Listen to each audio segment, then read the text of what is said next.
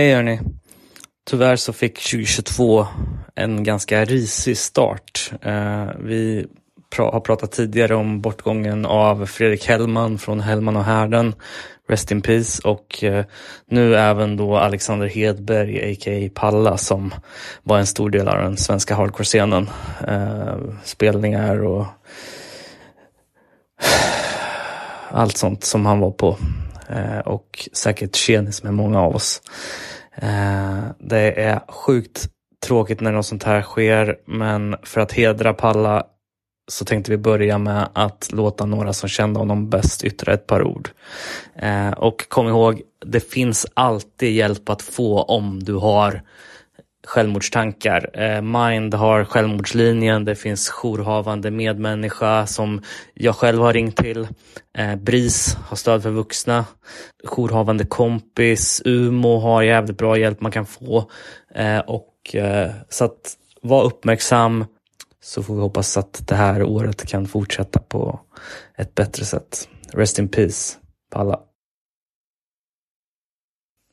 jag lärde känna Palla någon gång runt 2008. Eh, Staffan Snitting hade flyttat in hos mig precis och eh, började senare ha praktik eh, hos Palla som jobbade på Ungdomens nykterhetsförbund.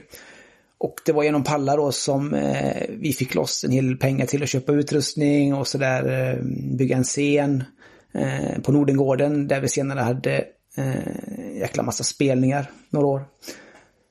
Eh, ja, eh, hängde ut en hel del med Palla, åkte på gig och arrade spelningar och badade med mera. Så när det här beskedet kom så kändes det oerhört tungt. Eh, det är en jäkligt tung period just nu. Eh, säkert för många, även för mig. Eh, ja, Palla eh, var alltid en glad och dedikerad person. Eh, vi kommer alltid minnas dig för det. Vi älskar dig Palla. Andy, Göteborgs Straight Ja, jag har alltid känt en connection med Alex. Vi sågs på de flesta spelningar, men det tog några år tills vi började prata med varandra. När vi väl gjorde det så klickade vi väldigt bra. Jag visste att jag alltid skulle träffa Alex och David på spelningar. Det var något som jag verkligen såg fram emot. Det var speciellt att hänga med dem. Vi försökte alltid typ käka bra mat och hitta på den bästa vegansk pizza liksom. Alex var väldigt mjuk, snäll och artig i sitt sätt att vara. Det är verkligen något som jag har uppskattat med honom. Det var en gång som jag försökte köpa en t-shirt från honom via nätet. Det blev aldrig någon affär med det. Men efter några dagar kom just den t-shirt som present till mig på posten. När jag och min son hälsade på honom i Värmland öppnade han sitt garage och där fanns en jättestor skateboard med bensindriven motorn och någon slags offroad hjul på det. Jag tror det var till och med han som byggt upp den där själv. Jag tyckte det var jättekul att åka den där och han blev så imponerad att jag kunde verkligen åka den där. Eh, och han hade också en jätteroligt gammal eh, minimotorcykel. Den såg ut precis som en sån som cirkusaporna åker på. Det var så roligt att åka på den och hänga med, med han. Och David och deras familjer. Det var lite märkt att Alex hade såna speciella intressen, att ha såna typ skateboard och minimotorcykel och grejer. Vi har tyvärr inte haft lika mycket kontakt nu de senaste åren. Jag tror det är mycket på grund av pandemin. När vi pratade med varandra så pratade vi alltid om jag skulle åka till Värmland och vi skulle skata tillsammans. Och nu det känns för jävligt att det, det har inte blivit av den där. Jag önskar att jag hade åkt dit så jag hade fått hänga med honom en sista gång. Det är ofattbart och mina tankar och min kärlek går till hans partner och barn och familjen. Saknaden är stor, det gör ont. Rest in power Alex, rest in power Palla, rest in power kompis. Hej, jag heter Niklas Lindahl. Det första som poppade upp i mitt minne när jag hörde om Palla, det var en dag hösten 2009 då jag hade flyttat till Stockholm för att plugga något jag absolut egentligen inte ville plugga. Jag stod och väntade på att byta buss vid Slussen när Palla kommer gåendes. Minns inte om vi hade pratat så mycket innan det, men vi såg säkert och hade hälsat flera gånger på olika spelningar i B-salen här i Örebro. Men han stannade i alla fall och pratade en längre stund med mig. Och det visade sig att han också hade flyttat till Stockholm nyligen. Och han var så himla genomgod och genuin och ville gärna hänga med mig. Och det gjorde mig så otroligt glad. För trots att jag hade goda vänner som jag bodde med så fick Palla mig att känna mig ännu mer hemma i Stockholm. Och det behövde jag. Han var även en av dem som fick mig att peppa straight edge. Och jag är fortfarande straight edge nu vid 37 års ålder. Det är nu man önskar att vi hade setts oftare. Jag tror senaste gången jag träffade dig var 2013 på filmvisningen av Trogen till döden på Tegelbruket. Och jag tyckte det var så himla fint att du hade åkt hela vägen till Örebro för att se vår film. Tack Palla för att du gav en osäker Bergslagsbo trygghet och pepp när han behövde det. Det kommer jag aldrig glömma. Är det du känner Alex på samma sätt som alla andra genom att åka på spelningar och tullt runt i Sverige i små bilar och sena nätter. Men någonstans så har vi ja, vuxit upp. Vi blev vuxna ihop, eller vad man ska kalla det. Och, och giftes och skaffa barn och utbildningar och, och jobb. Och, och han är den som hängde kvar. Och som jag haft mest kontakt med de, de sista åren av alla mina vänner. Vi skrev jämt och nördade om saker upp. Det kunde vara multiverktyg. Det kunde vara kaffepannor för vandring. Det kunde vara precis allt. Han är den som... Han är liksom initiativtagaren. Vi gick på bio minst en gång i månaden. Och även om jag ville och såg fram emot det så var det alltid ett meddelande från Palla som kom först. Som sa Är det inte dags nu? Och det är klart det var. Och han var den som skickade, skickade julklappar opåkallat. För att han kände för det. Med en fantastisk stjärt ritad på omslagspappret. Och senaste gången var det Klappjakten med Arnold Schwarzenegger på DVD. Så den kommer för alltid vara världens bästa julfilm. Jag har försökt sätta ord på alltså vem han var och vad han var. Det har varit så jävla svårt. Men det jag har, det jag har känt nu sen han, sen han försvann är att jag aldrig fått så mycket kärlek av människor runt mig. Som, och så mycket stöd. Och det är någonstans det Palle är för mig. Han tog fram det i människor. Han var så genuin. Han var så fin. Och andra människor som har varit i kontakt med honom. Det smittar av sig. Så han, han spred kärlek och han skapar kärlek. Och det är så tomt. Jag saknar så mycket.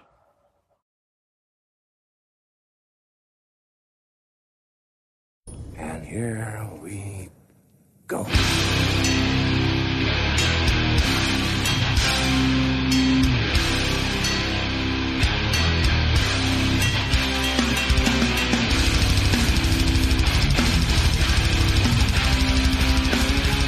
Men sådär och nere på noll avsnitt 157. Det är bara att borsta av portvinstån och ta steget in i 2022. Här när vi firar 30 år sedan Chromags Alpha and Omega, 30 år sedan Earth Crisis All Out War, eller varför inte 20 år sedan Blood for Bloods Outlaw Anthems, eller Shattered Realms Broken Ties, Spoken Lies. Eh, Känner ni er gamla igen eller? David Olsson? ja, lite. Danne Ja, Nätterdal? jag känner mig alltid gammal. I det här sällskapet i alla fall. Men skitsamma, det är ju, eh, vi ska inte bara prata om gamla releaser utan vi ska ju även prata om de nya som har kommit här året 2021 idag. True Eh, that. våran eh, traditionsenliga årssammanfattning och eh, med oss har vi ju ett antal favoriter i form av årets släpp, årets eh, bolag, eh, årets eh, EP eh, och massa annat gött. På tal om gött, det var jävligt gött sist när vi hade Offspring specialen, eller The Offspring specialen eh, med Erik och Mark som gjorde ett hejdundrande jobb. Eh, och eh, det blev ju jävla bra ställe i eftersnacksgruppen efteråt. Det var ju flera stycken som skrev in och sa att de var nöjda med avsnittet. Terrak skrev, jag vill också uttrycka att det var ett roligt avsnitt och perfekt kombination av personer som satt och diskuterade. Jag känner dock en stark relation till bandet, vilket höjer intresset såklart. Eh, och jag tror att Mattias Grane höll med där. Dock hade han noll relation till bandet mer än eh, rent populärkulturellt. Men... Jag har fan fortsatt lyssna rätt mycket på Offspring sen du, dess. ja, du har det? Ja. Vissa låtar är jävligt bra alltså. Ja, Men är det inte, är det inte jävligt skumt? För vi har ju, alltså, Offspring är ju verkligen liksom en ytterkant av, eh, av det som vi pysslar med. Liksom, det här är ju kanske det mest mainstream band vi har pratat om någonsin. Eh, och eh, liksom rent musikaliskt också kanske ett av de mest välpolerade. Liksom. Men samma dag som vi släppte Offspring specialen, som visserligen hade ganska lång tid på nacken eftersom den inte kom ut direkt. Men på samma dag som vi släppte den, så gjorde eh, det amerikanska jättestora krustfanzinet Negative Insight gjorde en Offspring special och då gick in på djupet och analyserade deras första platta. det är ju sjukt. Så jävla otrimmat. Men det är inte första gången det händer. Jag tänker på den här reissuen av Discord 1-6 som kom typ dagen efter vi hade spelat in Discord-specialen. Ja, men är det inte konstigt alltså? Ja, Och men det är speciellt eftersom det är från Negative Insight, alltså jag, jag tror det är Felix som har Havoc Records och alltså det är ju den här riktiga eh, superpunk-heads eh, som har liksom well-rounded taste, så de, de kan väl acceptera ett, ett eh, bra släpp för vad det är, även om bandet har blivit Offspring-stora liksom. Mm. Mm, Men grejer som de brukar pyssla med, de gjorde ju till exempel en reissue på Skitslickers 7 och de håller ju bara på med så här det värsta av det värsta från den smutsigaste containern i hela världen. Och så smäller de in den på samma dag. ja, Och som om inte det var nog, så kommer nästa avsnitt av eh, 185 Miles South också snacka om Offspring. just det.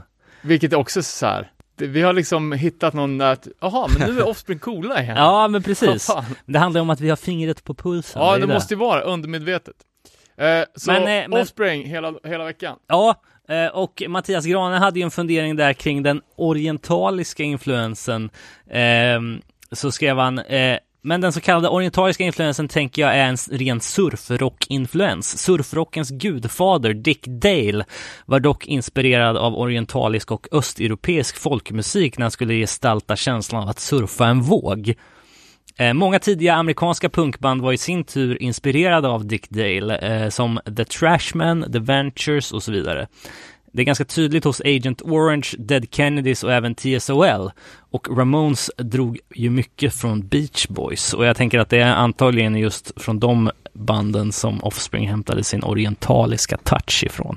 Ja, det är möjligt. Eh, han tipsar ju även om svenska Robert Johansson and the Punch Drunks. Eh, surf, svensk surf, som jag faktiskt lyssnat på ganska mycket de senaste dagarna. Bra eller?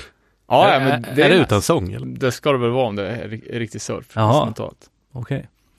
Eh, fick ett mejl också från Lars Olsson. Han skrev eh, just då den, eh, med anledning av den mesta akademikern i svensk punk och hardcore.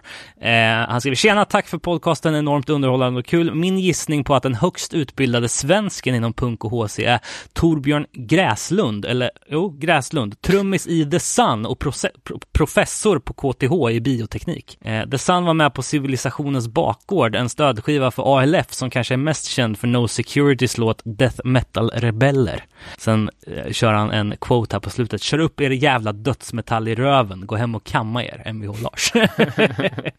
han skickar ju med eh, en Discogs-länk där till, till släppet där eh, eh, från 91, eh, Civilisationens bakgård. Ja, bara trycka på want-knappen direkt. Ja, eh, tack för det Lars. Eh, mer feedback. Eh, på Facebook skrev Stef Stefan Bränning, Det är ganska långt, jag läser upp det. Tack för en intressant podd som vanligt. Jag tror jag kan förtydliga om den mystiske femte medlemmen som Erik tog upp några gånger, som i själva verket är en blandning av tre personer. Chris X13 Higgins var, en tidigare, var tidigare en extra medlem vid liveframträdanden och körde extra gitarr, percussion och diverse backups. Under eran när Chris var med var det han som droppade Keep 'em separated, Mota och så vidare på scen. Och som Erik säger så hoppade han runt som en tok och bidrog till lite drag. Han är även krediterad i ett par album. Sen har vi Jason Blackball McLean. Bra namn. ja, verkligen. Är bandets första och största fan. Han fick sitt namn för han alltid stod längst fram och ropade på att bandet skulle spela låten Blackball. Det är Jason som dyker upp i videon till Come Out and Play och det är han som droppar The OG Keep 'em Separated på studioinspelningen. Mhm. Han är än idag ett aktivt, ett aktivt fan med engagemang i största fansidan på Facebook och verkar fortfarande vara- vara vän till bandet. Pretty Fly-snubben är en skådis som heter Guy Cohen.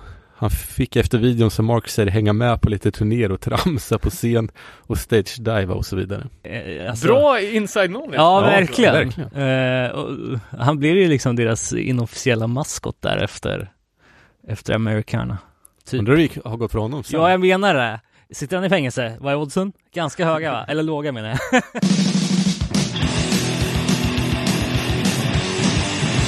Ska vi ta en liten recap då vad vi har producerat eh, genom åren? Det har ju blivit ett par avsnitt. Eh, vi började faktiskt året på avsnitt 138 så att ehm, nu är vi på 157 så att det är ju nästan 20 avsnitt då.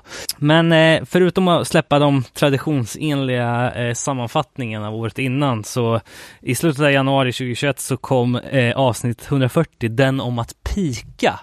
Eh, där vi Just det, gjorde... med stapeldiagram. Ja, exakt. Lite, plattor. lite grafer och skit. Vad, vad var det? Hatebreed? Crisis. Ja, och eh, det var, Blackfly. Just det. det var Mark som eh, gjorde storstilad comeback då. Eh, och det är ju roligt då att han både öppnar och avslutar året som gäst.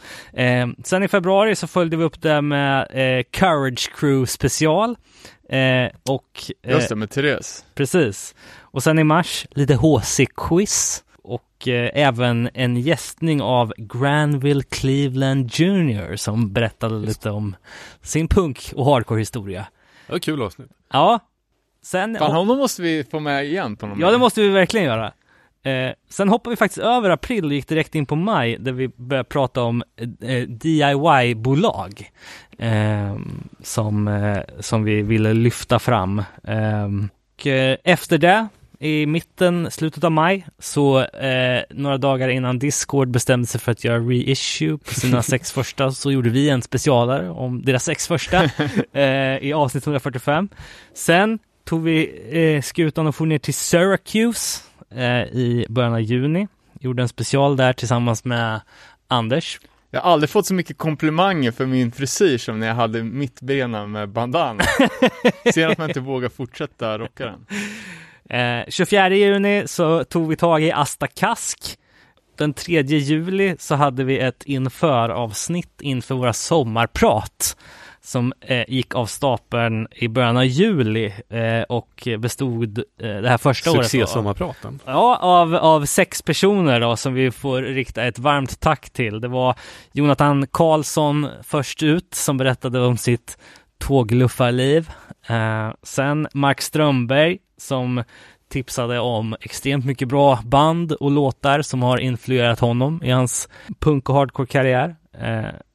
Avsnitt tre var Lisa och Lisa som körde eh, ett sommarprat. Eh, avsnitt fyra var Andreas Skogmo, Skogis, som berättade om diverse resor till Norge, bland annat i minibuss. Nummer fem, Ulf Hammarskär, pratade om Balance, Anchor och allt därtill.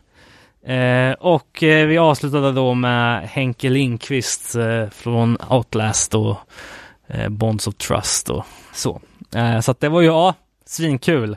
Eh, och eh, vi får se om vi, om vi gör det i år igen, förhoppningsvis. det är klart, klart det var skitkul och extra roligt för oss att få höra någon annan snacka för ovanlig, ovanlighetens skull. Ja, verkligen. Eh, sen när vi var tillbaka efter sommaruppehållet eh, i avsnitt 149 så bet vi tag i The Clash faktiskt. Och det var ju du och din son Douglas som fick skina i det avsnittet. Eh, fantastiskt bra. När vi fyllde jämnt avsnitt 150 så blev det 2008 som blev året i kikarsiktet höll jag på att säga. eh, sen då så följde vi upp det i september med att ta tag i Rancid del 2 eh, i oktober om att spelningar var på väg tillbaka. Men det fick vi ju, Nu är de på väg bort igen. ja, en karatespark i ansiktet. På tal om det, såg ni speedway på Musikhjälpen? Ja, Fan bra det var. svinfett. Verkligen. Ja, jag- jag, jag missade, satt på, satt på jobbet och um, hann inte bli klar med ett möte som drog ut på tiden. Vad, kör, hur många låtar körde de? De körde Två. två, ja, fast det första var väl eh, två låtar va? Smart, man får bara köra två låtar. Ja, ja men jag fick för mig att de eh, gick över till, men det kanske bara var i sammanfattningen. Eh, men sen var det lite intervju och grejer också, så att, eh, ja men det var fett. Eh, De, de var lika självsäkra som vanligt. Ja, ja, ja. Trummisen var ju någon TikTok-stjärna. ja, precis. Men den, den intervjun var lite awkward, alltså innan, måste jag säga. Ja. Eh. Jag, jag lyssnade inte riktigt på det. I, I november då så gick vi i avsnitt 153 in på Benjamin Walles eh, tragiska bortgång. Ehm, och eh, sen i slutet av november så var det dags för eh, någonting helt annat. Eh, Too legit for the pit, hardcore takes the rap.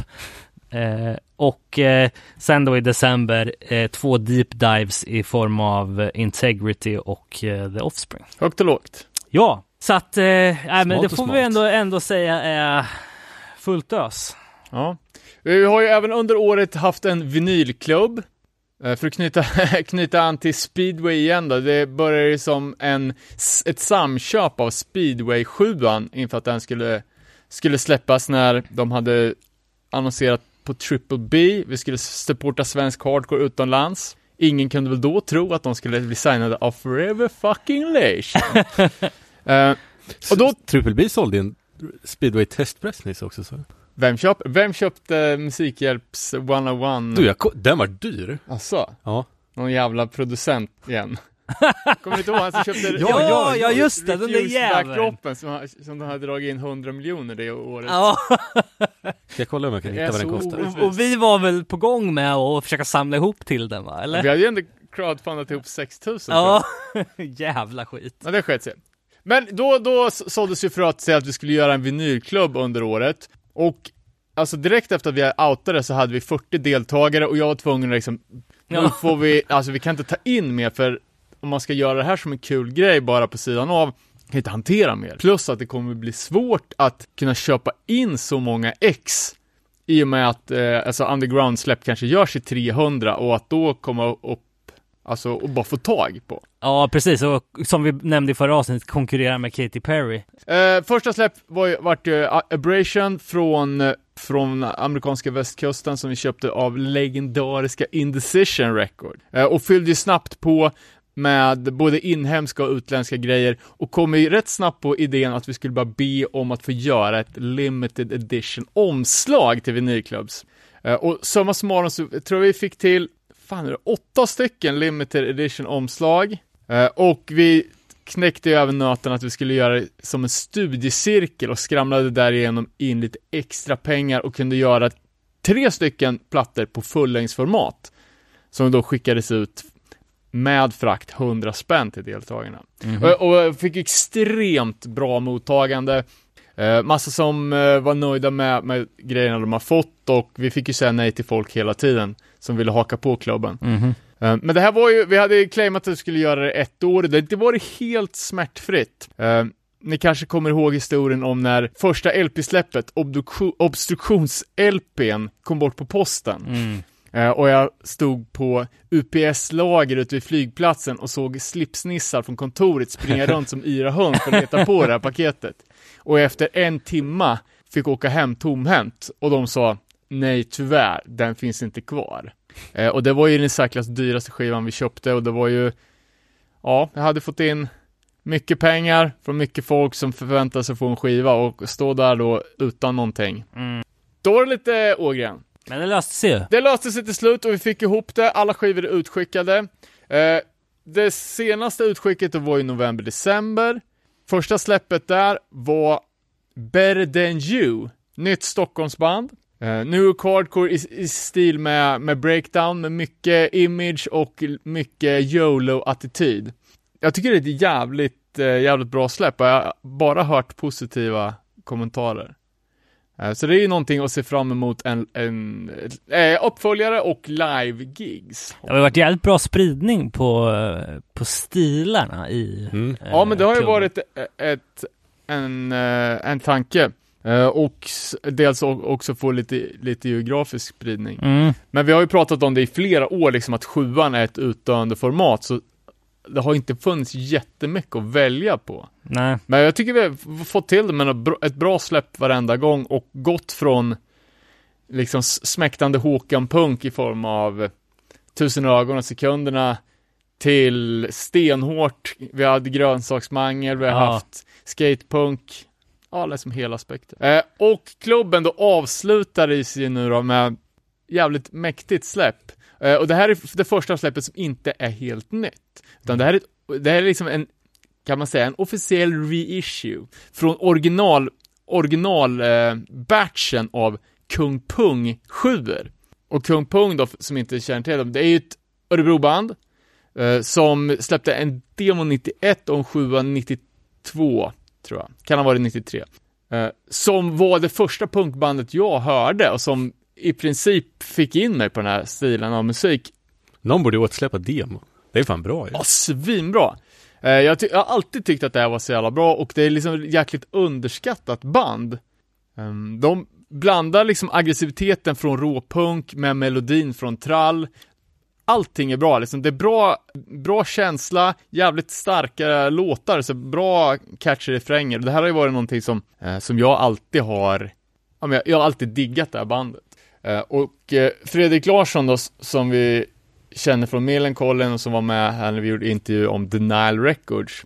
Jag har ju varit på honom några gånger under åren och frågat liksom, ja men Ska du inte släppa Kung Pung-demon eller är det inte dags för en re reissue?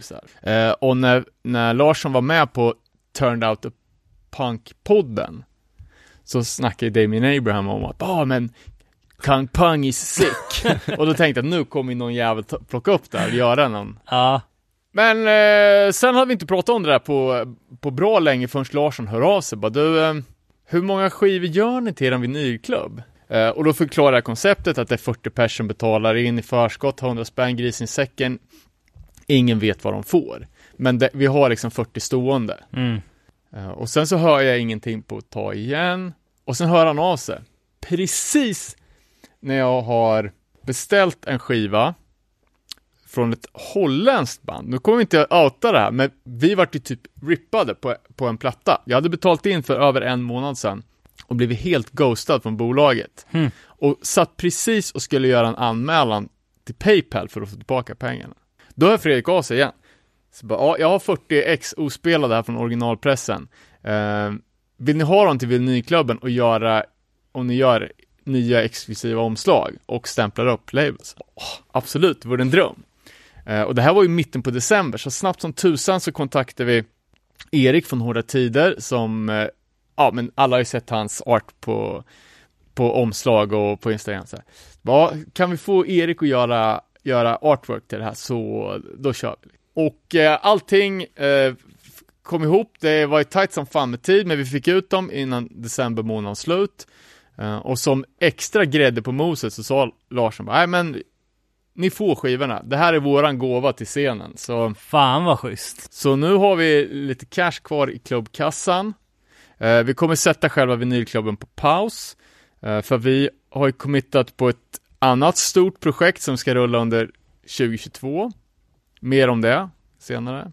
Men vi har också eh, committat på ett till vinylklubbsläpp. Mm. Det passar ju bra då att vi har lite krut sparat. Eh, så tack för alla som har hakat på klubben, det har varit skitkul. Eh, så tar vi nya, nya tag under, under detta år. Ja, fan vad fett. Ja, men det, det, det är så kul att se, kunna supporta eh, band också. Så, som, som vi har kunnat göra med den här klubben för att folk är engagerade. Och fan, shoutout till Denial alltså som bara levererar sjuor som en gåva till scenen. Det är ju fantastiskt. Någon annan borde starta en vinylklubb, så kan vi vara med. Ja, exakt. Ja, Det är ett jävla genialiskt koncept egentligen. Ja, det är ju det. Ja, men det är lite pill, sitta och skära, skära, om, vika Mm. och posta en gång i månaden. Det känns som att man har ett eget bolag. Men... Ja. Kul var det, så länge det var eh, Har vi något mer? Innan vi går in på årsbästa specialen så måste vi bara snabbt beröra det här episka gigget som annonserades i maj i Linköping med liksom eh, eh, Slapshot och Stars and Stripes och Östra Aros och Just, just Obnoxious Youth och Lavette och eh, ja, det var två dagars punkfest helt enkelt. Det, när var det? Sommar någon gång? Nej, 20 maj och 21 maj. Ja, 20 till 21 maj var helt enkelt. Eh, Då på- kan det ändå bli av, känns det som. Ja, man hoppas väl det i alla fall. Stars and Stripes skulle ju kunna vara någon typ av...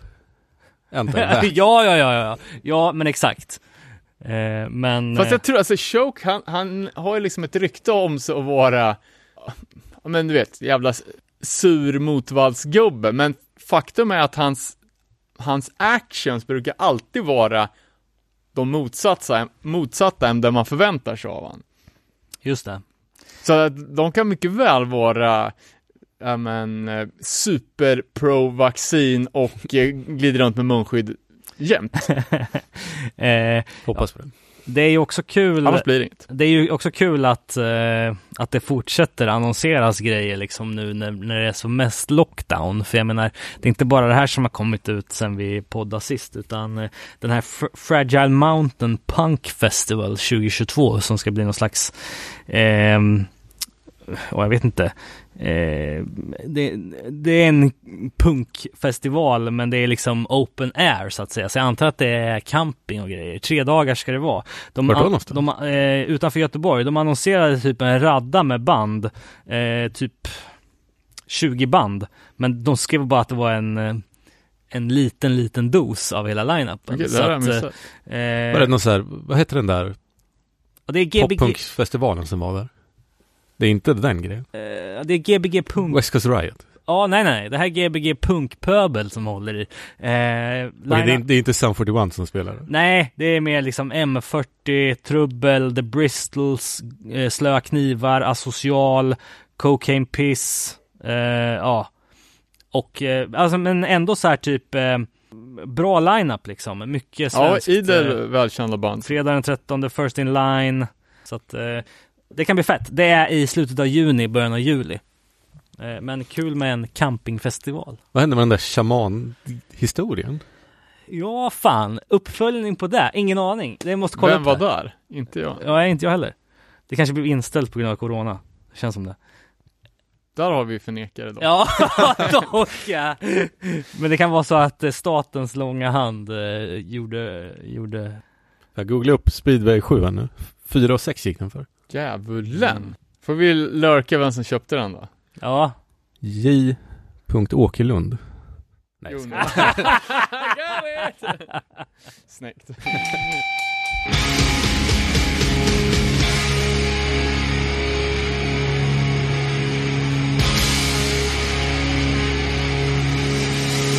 Eh, Med anledningen av att vi tog upp eh, Fredrik Hellmans tragiska bortgång och bandet Hellman och Härden så dök det upp ett mail i brevkorgen eh, från Jonas Kalander från, från just Hellman och Härden. Lyder så här. Eh, jag vet inte riktigt vad jag ska säga. Kanske behöver man inte säga ett skit, kanske behöver man det. Det har varit svårt det här, sen, eh, sen det hände, att få fram orden. De studsar liksom. Skitsamma, och hur som helst. Processen var oftast lika enkel som den var effektiv. Fredrik kom förbi, i regel lika oförberedd som jag. Vi snackade lite skit och la upp någon sorts rudimentär skiss över vilken typ av stämning vi vill åt. Vilken typ av tema, inramning, ja sådana saker. Jag satte mig i tystnad och arbetade. Han låg på golvet, eller i sängen, skrev frenetiskt. Ibland stannade vi upp. Jag tittade igenom vad han hade åstadkommit och han gick igenom vad jag hade hit. Gillade vi det inte, gick det i tunnan. Alltid lika osentimentalt och rakt. Ofta gjorde vi det. Gillade det. Vi gjorde i snitt en låt varje gång vi sågs. Och vi sågs ofta. Det var ett veritabelt berg med material som fanns kvar. Vi hade planer. Omfattande planer som skulle sättas i verket. Men nu blev det aldrig så. Fredrik lämnade efter sig ett tydligt önskemål. Härdenlåtarna skulle ges ut i sin befintliga form, som de lät i hemmastudion. Han hörde någonting i det där. Fredrik beklagade sig återkommande över oländet att behöva underkasta sig de begränsningar som en välutrustad studio innebar. Han tyckte inte om stämningen, tyckte inte om ljudet, utbudet. Vi snackade förresten ofta om det där, hur begränsningar är någonting eftersträvansvärt och hur obegränsat manöverutrymme snarare kräv, kväver än inspirerar. Hur det handlar om att gräva där man står och bygga någonting jävligt stort och vackert av det lilla man har. För att parafrasera Pascal. Planen för nästa giv var hur som helst att lösa inspelning själva med hela bandet i replokalen. Allt tog som sagt slut innan vi hann dit. 13 av dessa låtar kommer ges ut vid samma bolag, DDR Records. Samma bolag som släppte Karima. De kommer att låta mer eller mindre precis som de gjorde i ögonblick när jag och Fredrik släckte ljuset för dagen och konstaterade att det var målgång och remisskick till resten av bandet. Låtarna skickades på mastering i veckan, så officiell release blir väl typ ASAP. Men med tanke på köer så lär det kanske dröja. Skicka där tre låtar, samtliga hämtade från den kommande skivan. Eh, om du vill spela någon, flera eller rent av samtliga publik så gör det helt enkelt. Fredrik är saknat. Något så fruktansvärt. J. Eh, Fint skrivet. Fint. Eh, och jag tänker att vi, vi spelar upp en, en låt. Jag har lyssnat på alla tre, det låter svinbra. Men här, här kommer en, en favorit. Natten brinner.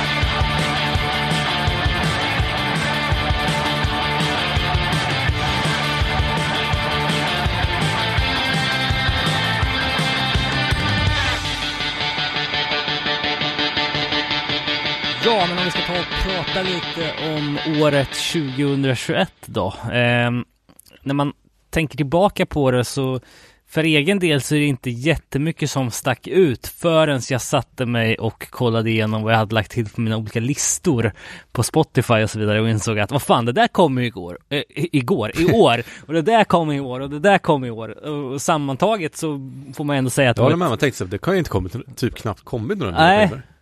Och sen- det, har det, ja, det har det verkligen gjort. Ja, eh, och eh, utan att dra ut på det så skulle jag vilja stiga direkt in i, eh, eller nej vi kan göra så här förresten.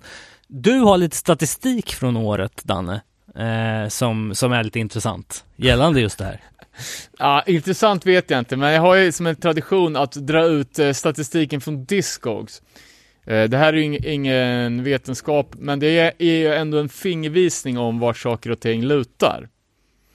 Eh, jag kollade på förra årets, eh, inför det årets årsspecial, och jämförde det mot det som var för 2021 då.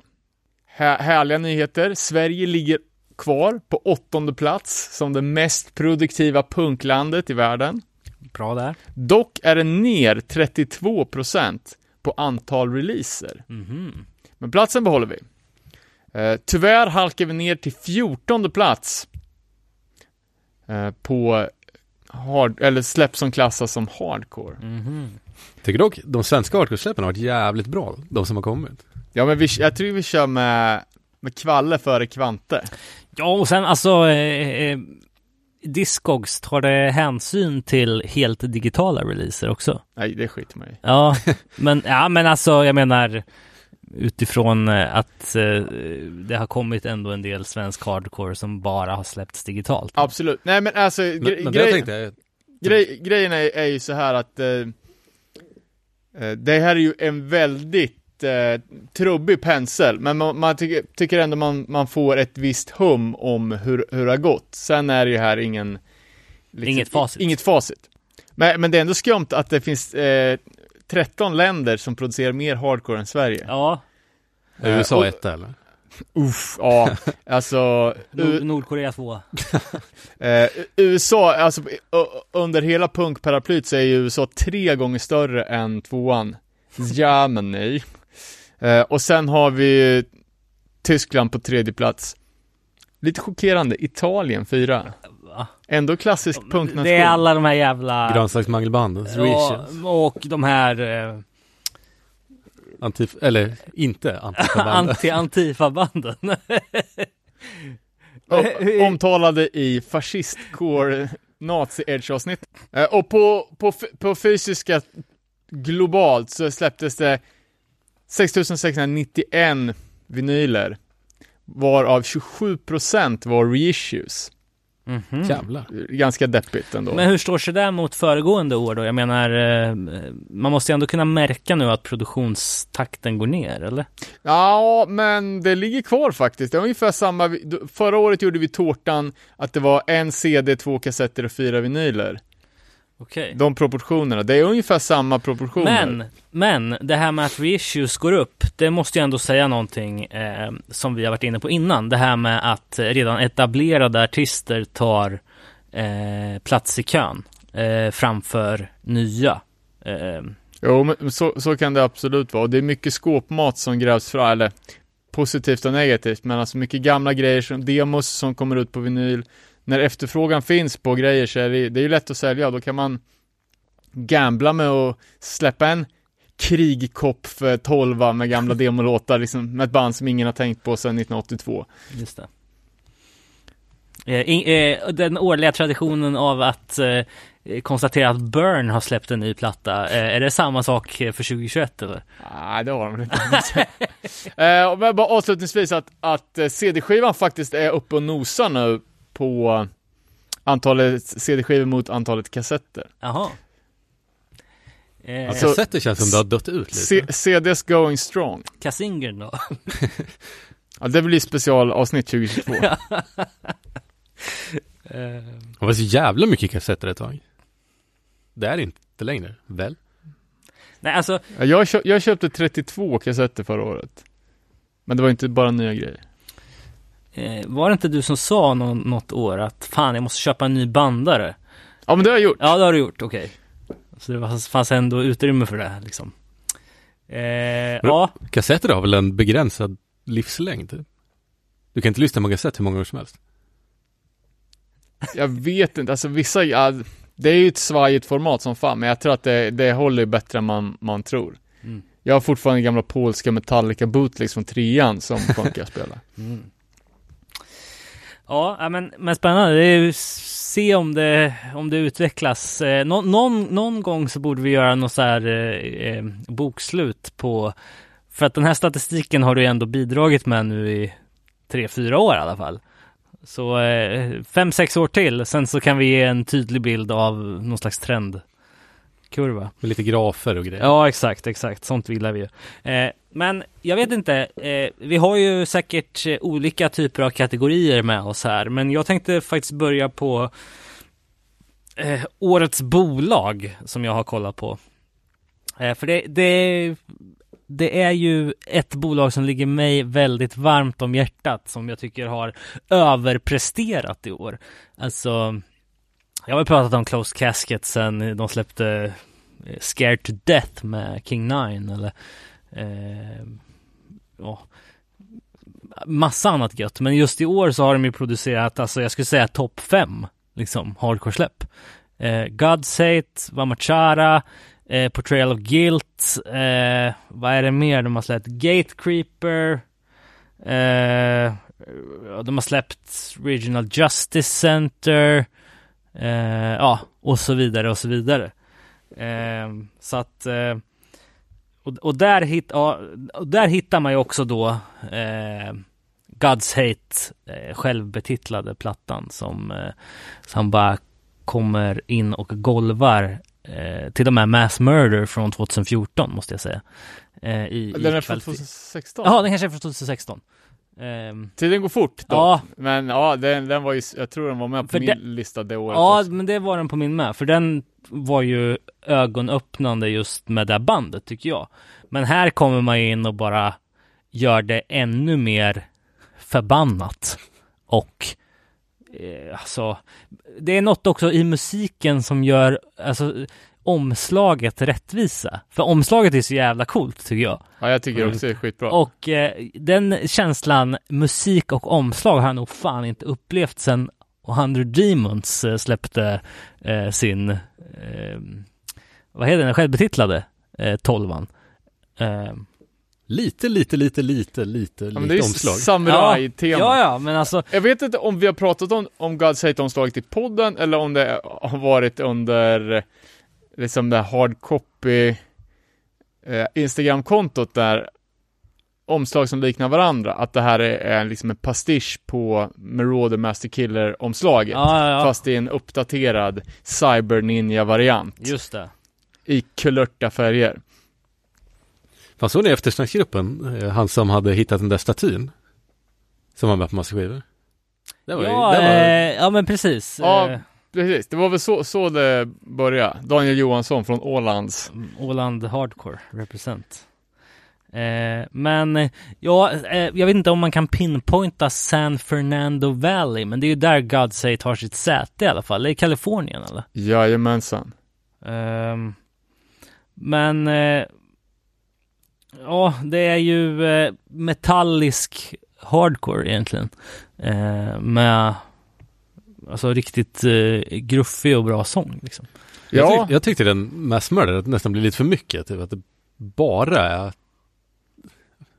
för hårt inom citationstecken. Ja, ja, ja. Men det, det, den här eh, nya tyckte jag var, har jag fan lyssnat ganska mycket på också.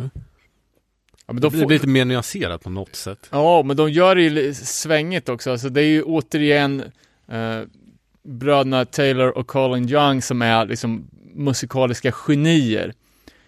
Eh, osäker på om de som har producerat det här själva, men de är ju jävligt duktiga och de tar sig ju an olika liksom konceptuella band och gör det liksom fullt ut. Eh, och, och alltså det som lyfts, alltså det är så väl svarvade låtar, allting är ju minutiöst avvägt, samtidigt som det är jävligt bra produktion. Ja, och också att man hittar de här vibbarna som du säger, alltså det är inte bara i omslaget som man hör Marauder-vibesen, utan eh, eh, den här jävla, eh, vad heter den? Eh, Vad kallar du det? Såggitarr? Ja, precis. Och också att man, eh, man trippar ju på den här, eh, eh, vad ska man säga? Det är så jävla lätt att det blir för mycket slam när det är blast beats, kan jag känna, i sån här musik. Men det här är ju liksom eh, mer som en, det är väl avvägt. Ja, nej, men det, det är tung jävla hardcore. Eh, jag vet inte, är de sex pers i bandet? De är se- sex pers på bandfotot i alla fall. ja, men om man ska hålla, behålla ljudbilden live så krävs det väl tre gitarrister. Det är, det är de och Maiden. Jag Ja, läste att de startade bandet för att de tyckte att han sångaren borde ha ett hardcoreband. Och så bara, men då får vi starta det åt dig. stabilt. Ja, han är ju jävla beast, alltså stor, vältatuerad bjässe, brukar köra med balaklava bara över liksom. Ja, ja, exakt. Och då, det är ju lite speciellt, jag ty- alltså i början så tyckte jag att det var lite speciellt eftersom man har liksom en lite mer inte, inte atypisk, eh, eller inte typisk hardcore-röst utan att det är lite mer sjunga ut Ja, men också... eh, mörk kyrkokörsång liksom. Precis, och på den här plattan så kör han ju lite clean vocal också. Eh, på, eh, vad fan heter det? Eternity of Hate, eller? Ja, vet, den heter någonting of Hate. Ja, osäker. Men, men det är också så här fett liksom, han klarar ju av det. Så att, Ja, nej men det, alltså det har ju blivit jävligt bra mottaget. Jag vet att vinylen kom ut på, på andra press direkt. mm. Eh, det har varit mycket, mycket snack och de är ju liksom väl etablerade musiker så det, det har ju, de får ju liksom jävligt bra spridning på sina grejer. Mm. Så att den här, den här är uppe på mångas, mångas listor och vi gjorde ju faktiskt en liten, den årliga opinionsundersökningen i, eh, på Instagram när vi lägger upp, eh, ja, man får skapa sin egen topp tre-lista.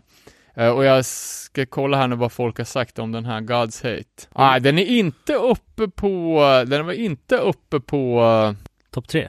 typ, ja, topp fem kanske då. Mm. Men den, är- den är med på min topplista också kan jag säga direkt. Jag tycker eh, ett av årets bästa album och en av de plattorna som jag lyssnar mest på. Flawless. Visst är den sångaren en American Professional Wrestler? Oförvånad. Ja, jag vet inte, och ni som inte, eller för de som inte lyssnar på det här bandet på Spotify. Eller för de som lyssnar på det här bandet på Spotify. De har ju en release till. Father Inferial heter den väl? Just det. som inte är med på, på, på Spotify, där de kör hela Hatebreeds Under the Knife 7 covers. Jävlar. Den har inte jag hört. Nej.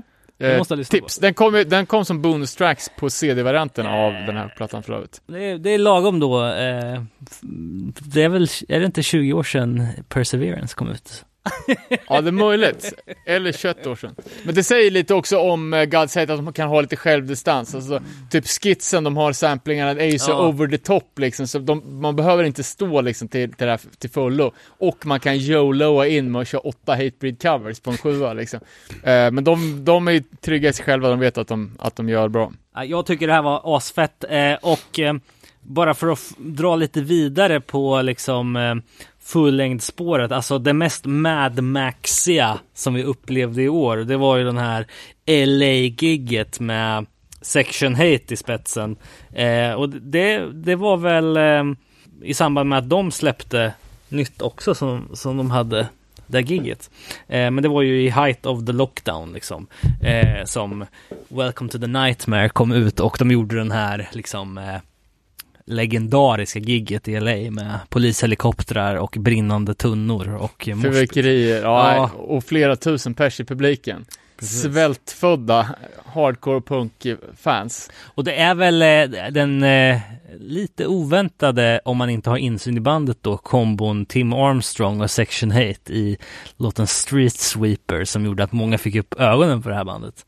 Ja, nej men jag, jag, jag har satt upp Section Hate som årets genombrott. För att, eh, ja vi har ju snackat om dem i många år, eller i alla fall ett par tre. Till exempel den här, eh, åka skidor på ett berg av kokain, Winter Games-demon. Just det. Det har alltid varit ett, ett band som vissa som gillar tuff hardcore har, har lyssnat på, men som absolut ingen annan har brytt sig om. Eh, vi som är gamla fans av sångarens tidigare band, Furious Styles, har ju liksom ja, snappat upp det här och lyssnat på det sen, sen starten, men nu är det ju att de är ju, de är ju jävligt, eh, jävligt kända och jävligt älskade.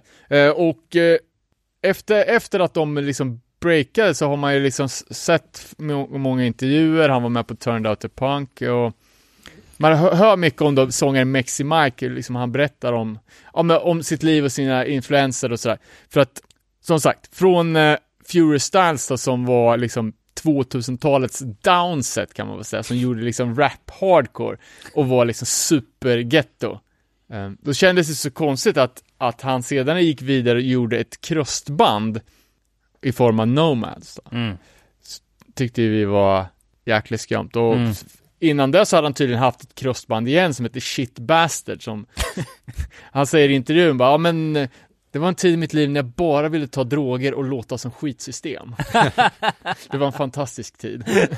men nu är ju Section Hate en bland, det är liksom en så här, vet, blandning mellan yo-yo, rap, hardcore och krust. Och det går väl hem liksom. Alla kan identifiera sig med det här och eh, känns som att de har liksom LA-publiken med mer än 50% av latinos, att de även tilltalar den klicken. Ja. Eh, och, ja, ja, men alltså de är punk som fan samtidigt som de är hardcore som fan. De reppar alltid skitsystem och Anticimex med merch och de gjorde ju någon Anticimex rip-off tröja och de, ja men de, eh, jag vet fan, allas favoriter. Ja, Det verkligen. ligger jävligt rätt i tiden med typ hur omslaget ser ut allt. Ja, precis. Det är ju... Tycker inte det är så bra när Tim gästar dock. Nej. Ja, jag tyck, tyckte det var nice. Uh, först, första låten, uh, det är den som de också gjorde video på, Nightmare. Jag har varit lite avtänd faktiskt, jag tycker inte den är så bra. Så jag var sent inne på att lyssna på hela plattan, den har ju varit ute ett par månader. Mm. Eh, för då, jag gillar inte de här high speed partierna med Hur the fuck you think you are? Nej. Jag tycker det är sämsta på hela skivan, jag tycker det är tråkigt att de har valt den till Jag tyckte typ de två sista låtarna är de bästa. Ja, men eh, överlag så är det en skitbra skiva med en... Eh, jag är förvånad över att de valde just den låten och det är ju deras mest populära låt också. Mm. Eh, Inspelat här var Taylor Young såg jag nu. jaha. Därför låter det bra. Jag skulle vilja sticka in två eh, fullisar till då medan jag har ordet. Sen ska jag släppa, släppa det fritt. Eh, David, jag får tacka ödmjukast för tipset om Spectral Wound. Bra, eller hur? Så in i helvete Det är typ det jag på lyssnat mest på i år. Alltså. Ja, det är så Så det är jävla en jävla bomb alltså. Ja, och på den lite melodiösa sidan av samma mynt skulle jag säga Harakiri for the Skies Mare som kom i början av 2021 som jag tycker är helt fantastisk om man gillar eh, progress, progressiv blackened death metal typ eh, med lite, ja men progressiva vivar. Eh, svinfett. Jag återkommer med, lite EPs senare, men är det någon som vill ta vid och prata om något? Ja, jag kan väl säga att jag har lyssnat jävligt mycket på Turnstyle. Du har det? Mm. Jag tycker det är svinbra. Jag håller med. Mer, jag lyssnade mer på det i somras än nu när det är vinter, men jävligt bra. Ja, alltså eh, snacka om hits. Eh, alltså eh, Holiday, vilken jävla låt. Eh, jag tycker... Den har gått jävligt mycket på P3 har jag hört. Ja, Åh fan. jag tycker att... Eh, ja, men det är ju, vad ska man säga? En värdig uppföljare till Time and Space. Ja, eh, den här plattan kom, det kom ju i slutet på augusti eh, och de började släppa digitala singlar redan i, i maj. Eh, men eh, jag tycker redan efter första lyssningen på de här låtarna, det känns som att de är lite för, jag vet inte, för, för catchy, för enkla, för man hör dem en gång, sen så kan man dem och sen så känns de nästan lite gjorda. Mm. Eh, om man ska va- vara, Ja, vara jag har ändå det. lyssnat igenom den här skivan många gånger. Ja, jag, ja, jag med. Jag, jag diggar det, alltid diggat Turnstile, men jag tycker att den är lite för uppenbar på något sätt. Vad tycker ni om eh, Alien Love Call då?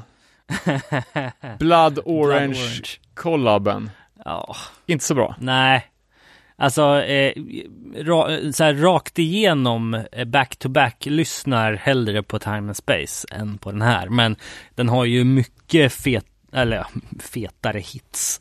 ja men typ, alltså både Holiday och Blackout är ju bra låtar liksom. Mystery också liksom, sån där eh, dänga som man har hört på radion. Ja, ja det är Eh, fett. Ja, Jag, jag, jag tycker det är en skitbra skiva. Eh, kan även avslöja att det här är delad första plats bland våra lyssnare också. Okej. Jag, eh, jag tänkte faktiskt på det att eh, eh, de senaste åren när vi har gjort de här årsspecialen så är det typ bara Turnstyle som har hängt i. Eh, för att eh, hypen har ju varit liksom kring typ Knocked Loose som släppte nytt i år med. Och den har inte alls varit med på många årsbästa listor. Eh, Neverending Game som släppte väl 2019. Deras nya EP har jag heller inte sett så Nej, mycket av. knappt hört alltså. Nej. Det är ju fan tjänstefel. Eh, Var det, är det den Wings and Halos? eller något? ja, exakt. Jag blåste igenom den. Det är ganska bra. Ja, ab- Men det är också- absolut. Det är, det är lite tråkigt med att fan, man är så jävla torsk på det här med nyhetens behag. Sen så här, släpp tre från ett band och bara Ja, men precis. Eh, och det, det, och, men- det är ju, eh, vad ska man säga? Det är ju ändå coolt att Turnstyle ändå hänger i. Så. Det är så jävla svårt att göra det för men det låter som det första törn. Det här låter inte som samma Nej, band nej, typ. precis. Men ändå är det bra och det har någonting. Och det går hem i stugorna. Liksom. Den förra Fury-skivan, men den första var ju typ det bästa man hört. Den andra, så, ja. Sög. Hästdator. ja. Nej, den var bra men den var inte så bra. Nej, det var, Och man har inte lyssnat på den. på ett tag. up alltså. men du, eh, vi måste ju prata om eh, ditt nya favoritband. Eh, med Have Heart-sångaren. Du vet vilket jag Mm. menar? Fiddlis. Ja, Fiddlehead. Kiddy Fiddlers. eh, det var ju... Nej, men, seriöst, jag gav det. Det var ju många som skrev den också. Tänkte jag bara, fan ska jag ge det här en riktig chans nu? Det är ju inte bra. men hur kan du inte tycka att det är bra? Det, någonting är så jävla off alltså. 2018, 2018 satte jag Springtime and Blind på min topp tre, kommer jag ihåg. Eh, jag älskar ju det här soundet. Eh, och jag tycker bara det är liksom... Då är det sången som är dålig då. Och det har inte... Jag gav en, på riktigt, jag gav den en riktig chans. Det har ingenting med Have Heart att göra. Nej, Jag kan bara inte gilla det. men du hade ju någon teori om varför folk gillar det. Nej, jag vill att ni skulle ha en teori om varför folk gillar det. Jaha. Ja, men alltså, eh, när kom, när kom den här plattan ut? Det var typ i maj va? Eller något. Eh, och det är ju så här perfekt eh, sommarmusik skulle jag Men också med ett visst vemod som kan ta en in till hösten. Vilket gör att den hänger kvar. Till skillnad då från, eh, för mig i alla fall, Turnstiles. Nej, den fadades ut när snön kom. Ja, exakt. Men ja, jag är ju jävligt dåligt emo-fan alltså. Men vad är det för skillnad på Fiddlehead och typ Texas is the reason? Men det är väl det Men som Fiddlehead är ju typ indie-rock. Det är inte ens emo. Nej, det är ju... Nej men och sen också, eh, om man inte har hört Texas is the reason på länge så kan man säkert tänka, eller så, så, så framkallar det väl visst, ja men kopplingar. Men också så här typ, ja men gillar man Angel Dust eh, så finns det ju element av det också liksom. Angel Dust. Eh, direkt upp på topplistan på grejer som flög direkt över huvudet. Mm. Ja, Jag Jag gillar, jag har inte heller hört den. Jag gillar Angel Dust annars. Ska, ska, Drogen eller bandet? Ja, både och. ska jag dra några andra som har flugit över huvudet och ska se om ni, om ni har fångat upp dem? AFI. Visste ni att de har släppt en ny platta? Nej. Inte hört Jo, ett jävla men, eh, ord om alltså. Vi har ju pratat om den, att de var i Jaha. studion. Det Okej. har jag tagit upp i Hänt i veckan, men eh, inte att den har kommit ut. Nej, Baris heter den i alla fall. Något att ha eller? Du har inte lyssnat? Jo, jag, jag har lyssnat. Eh, alltså det, det är ju berg och dalbana mellan storslaget och avskalat. Helt okej alltså. Jag tycker Mm. upptempolåtarna är bra. Vissa grejer blir, är så jävla mjäkigt så att man har liksom inte ro i kroppen på att lyssna på dem. Men de snabba låtarna lite mer punkiga tycker jag är helt okej. Det är ju mer back to the roots. Ja, Det är inte så mycket techno längre. nej. Eh, men den stora besvikelsen är ju David Havocs nya look. Han har klippt håret va? Det har en fan, Va? alltså riktig container-punkarstil med råttsvans och eh, rakat på sidorna, eh, skinnbrallor och sen så har han gjort så här helt svarta armtatueringar. Ja, precis. Det här måste jag googla. Alltså, alltså ja, men tänk som den här klassiska råttsvansen som folk hade på sin hockeyfrilla på mellanstadiet. Sån har han fast med 25 stycken. Riktigt eh, vidrig look alltså. Ja, verkligen. Jävlar vad han hade blackat ut armarna. Ja, och sen har han eh, i alla fall på eh, bandfotot som de använder på Spotify någon form av foppatofflor på sig eller vad det är.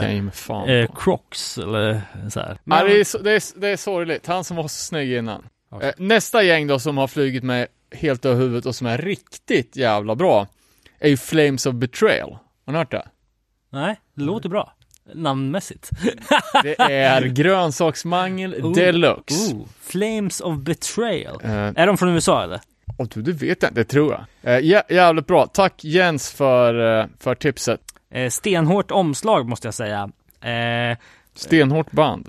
Call, och det, är- de har släppt en fullis alltså. Shit. Och det var i juli till och med. Ja, ja. ja det här får vi ta och kolla upp till nästa avsnitt. Yes. Jag lyssnade jävligt mycket på, på vegan metalcore. Eh, så det här ska jag definitivt kolla upp. Mm. Bildgooglar den nu. Han har Slipknot-tröja på sig. Aj, ja, aj, det aj, kan aj. aldrig gå, det är inte alltid det går bra vet du. Eh, kan, kan dra, dra några fler då från eh, grönsakslandet. Mm. Ett band som, eh, som jag har eh, haft på radarn ett tag är japanska Embrace the Chaos. Eh, jag hade aldrig, aldrig hört talas om dem, de har funnits ganska länge, så stötte jag på dem av en slump. Tycker det är pissbra, alltså det är snabb, aggressiv eh, grönsaksmangel med, med, med ja, det låter inte som att det är jätteskönt för halsen, sångstilen. Eh, Men det är liksom melodierna, det är pisket, allt som man vill ha från grönsak. Och Japan, bara så här fantastiska mervärdet. Eh, Och det var väl typ i samma veva som jag satt och skulle göra ett omslag till mitt och Antes grönsaksband Condemned Suffer. Mm. Eh, Så hade jag ett eh, omslag klart med, jag tror det är typ den arabiska, eller från eh, Koranen, en tolkning av helvetet därifrån. Lite så här egen twist, en, en, en klassisk målning. Eh, skitsnyggt. Eh, sen så när kassetten väl släpptes så, så blev det ett annat omslag. Eh, men den bilden har eh, Embrace the Chaos på sitt omslag. Eh, på den digitala releasen. Eh, de släppte i år en CD på CD only dessutom. Jaha. På Ja, okej, okej. ja. eh, The Coming Strife Records. Det engelska kungbolaget. Men jag tänker att vi har ju sagt att vi ska göra en Asien special. Det här är ett frontline eh, japanskt band som vi måste prata mer om. Pissbra. Så vi kan, kan eh, spara det till då helt enkelt. Bara att flika in med ett annat eh, Asien-släpp då som eh, det var ju eh, sydkoreanska Slant Ja, som släppte sin Iron Lung. Eh, pissbra. och det är ju en så här restraining order dyrk typ. Ja, nej, men det är riktigt bra. Eh, det får vi också ta upp i, i Asien-specialen. Mm. Så är det Sydkorea. Ja, Seoul. Eller Seoul kanske man säger. Eh, ja, det är ju eh, svinbra. Kul också att de är lite mer på Alltså lite mer modern grott-style istället för lite, när det är kla- alltså annars brukar de sydkoreanska är det väl geeks och de här som kör mer liksom superklassisk Precis. Youth Crew Revival alla 90-talet. Eh, Slant var ju också med på, på lyssnarnas topplista men inte, kom inte upp topp 10. Nej. Vad heter de från, de som lät som Kickback? Eh, Whispers från. Thailand. Ja, precis. O- o- också nice. Känns som att det är en av de plattorna eller tolvorna som jag lyssnar mest på. Mycket på grund av att det är en av de få nya skivorna som jag köpt fysiskt. Fy, fy på mig. Eh, men det är också för Asien-specialen. Sen då, grönsaksmangel från eh, lyssnarnas topplistor. Är det schweiziska Path of Resurgence? Eh, och svenska Times of Desperation. En av mina absolut bästa sjuor i år, en av mina absolut bästa svenska releaser och ett av mina topp grönsaksband i år. Och jag satte mig ner med eh, Jens, sångaren, och eh, gjorde en liten intervju. Den kommer här.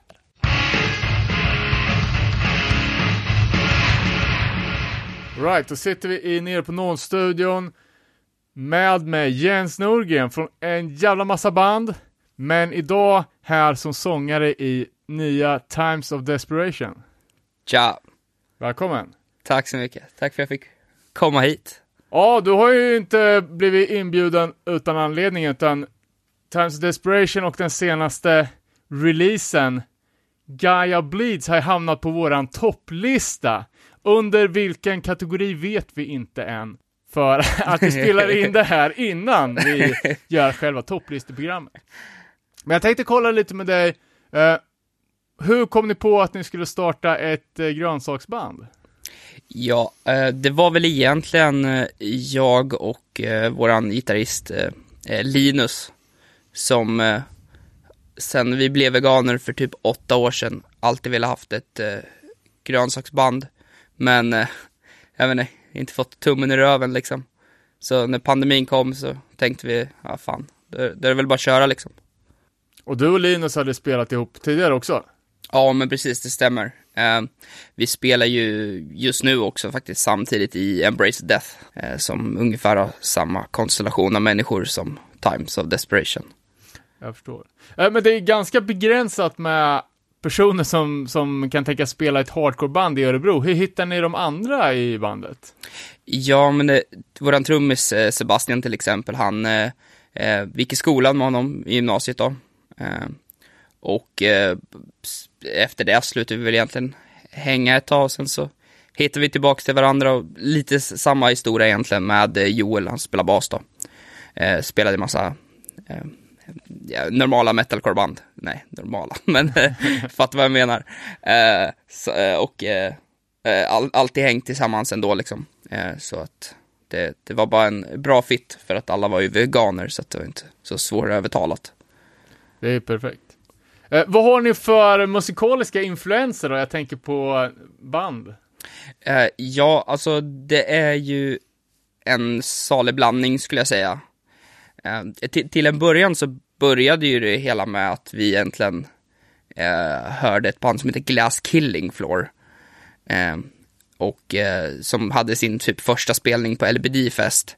Som vi hittade några klipp på. Och bara okej, vi ska starta ett band som, Eh, ett grönsaksband helt enkelt.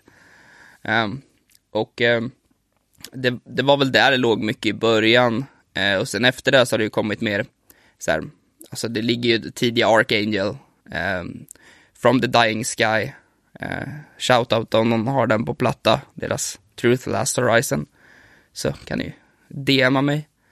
Eh, men eh, ja, det, det är väl där, där det ligger som mest idag, typ Reprisal och inga, inga konstigheter egentligen. De gamla band, gamla grönsaksbanden så att säga. Jag förstår. Eh, och eh, ni släppte eh, ni släppte först som en eh, demokassett, eller som en kassett. Och när kom den? Oj, eh, I april vill jag säga. Eh, och sen släppte ni samma låtar igen på en sjutummare. Ja, men exakt, exakt. Ehm, det var ju, vi, vi släppte ju allting bara egentligen Typ så här, DIY. Eh, kassetterna gick ju genom några polare vi har i England då, eh, som har något litet så här DIY-bolag.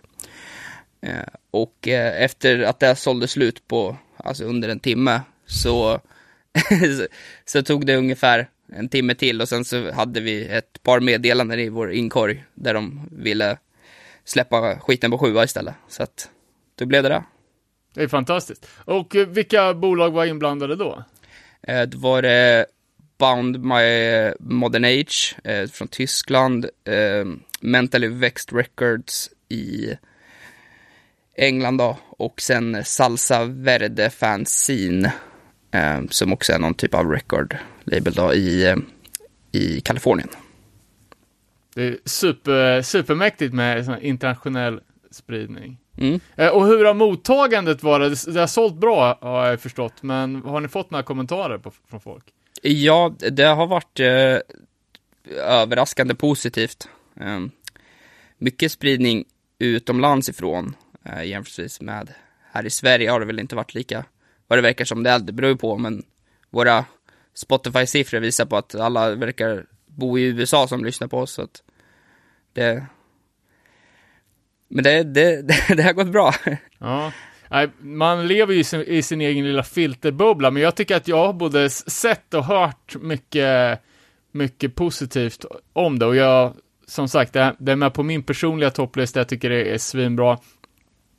Eh, och det är extremt mäktigt att vi har ett svenskt band som kan representera liksom vegan metalcore. Det är, har ju varit eh, jävligt snålt med dem under årens lopp.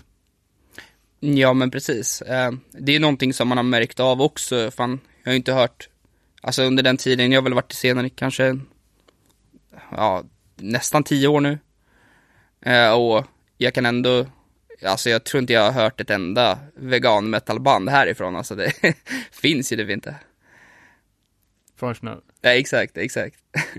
Eh, om, man, om man snackar eh, veganism och metallinfluerad hardcore så får man ju direkt tankarna till 90-talet. Hur känner du som en yngre eh, så vi har ju nämnt dig tidigare som, jag tror den yngsta personen vi känner som är intresserad av hardcore och det är ju eh, närmast när du, ja men typ 25 bast och Mm. det är den yngsta är ju lite oroväckande med tanke på tillväxten. Men hur känner du som yngre person i scenen eh, den här liksom 90-tals revival-dyrken och bakåtsträvandet och kanske, ja men att det är så jävla mycket nostalgi. när man, när man inte eh, växte upp med det, eh, så blir det ju inte nostalgi på samma sätt skulle jag säga. Utan man får ju lite av en, man, en egen eh, typ av, eh, alltså när, när jag hittade typ Archangel eller Reprisal, liksom, så, så var det ju nytt för mig, även fast skiten släpptes här 97 typ. Det är ju svingammalt egentligen. Eller ja, det är lika gammalt som jag är. så att eh, det är ju, eh, jag tycker det bara är jävligt fett med, med hela den grejen, att det börjar komma tillbaka lite. Eh, Det märker man ju på scenen överlag, skulle jag säga. Eh, Att det, det, det börjar ploppa upp en väldig massa band som, eh, som kör hela den grejen. Jag, ty, jag tycker att det började komma tillbaka efter, eh, efter Repentance. Ja, ja där, där, där så kändes det som att det var någon typ av startskott för den revivalen igen. Ja, nej men, men faktiskt att vi, vi såg ett, eh, ett startskott liksom med eh, med Purified in Blood skulle jag, skulle jag säga, och några band till som bildades i den eran. Sen kändes det som att det varit jävligt tyst i många år och sen då Rep- Repentance som kom. Mm. Känns det som att det har tystats ner igen och kanske faktiskt att det är en liten hype på gång igen nu de senaste åren. Mm, mm. Eh, vi, har du några rekommendationer på nya, nu blir det lite on the spot, men nya eh, band som vi kan rekommendera? Eh, jo, men det skulle jag säga. Eh, det finns, eh, eh, ja, men jag, har- jag har ett gäng. Vi har Path of Resurgence från. Eh, och sen så har vi också X Untold Suffering X från England då. Labelmates mer va? Ja, På salsa? ja, pre- precis, precis. Jag tror Path har grejer på Bound My Modern Age också. Jag bara sitter här och namedroppar alla labelmates liksom. Eh, nej men, eh, sen har vi också eh, ett, ett band som jag skulle rekommendera att kolla på är ju Flames of Betrayal. Okej, känner jag inte till. Nej, inte, kanske lite mer åt metalcore-hållet än, än grönsaket, men det är fortfarande grönsaket. Ja, Så att jävligt bra, jävligt bra band. nice. Eh, men vad har Times of Desperations för, eh, för förestående planer nu då? Hur ska ni följa upp den här slutsålda sjutummaren? Ja, vi har ju på G en, eh, en split eh, EP då. Det är Okej. Eh, som, vi- om, som det blir som vi tänkt så kommer den på sju också. Eh, som då är tillsammans med det bandet jag nämnde tidigare, Path of Resurgence. Okej. Och eh, då har vi tre låtar från den som, eh, som kommer. Och så får vi väl se hur det, hur det går med det. Ut, utöver det så har vi lite planer på, på turnéer och sådär. Om det, om covid lugnar ner sig lite grann igen. Så ska vi väl ut och spela lite mer. Europa har vi tänkt. Okej, fett. Ja, jag såg även i, i dagarna här att det, kom, att det är en andra press på sjuan på gång. Mm. Tillsammans med lite ny merch. Det stämmer, det stämmer. Via Bound by Modern Age där igen. Tyskarna, de har ju sålt helt slut på, på deras version så att de ville trycka upp ett gäng till och så passade vi på att köra lite merch också. Ja, beställde man ju direkt, såg skitbra ut. Coolt. Ja men vad fan, eh, då säger vi så helt enkelt. Vi kanske ska gå ut med en liten teaser från kommande släpp. Absolut, absolut. Kommer det här.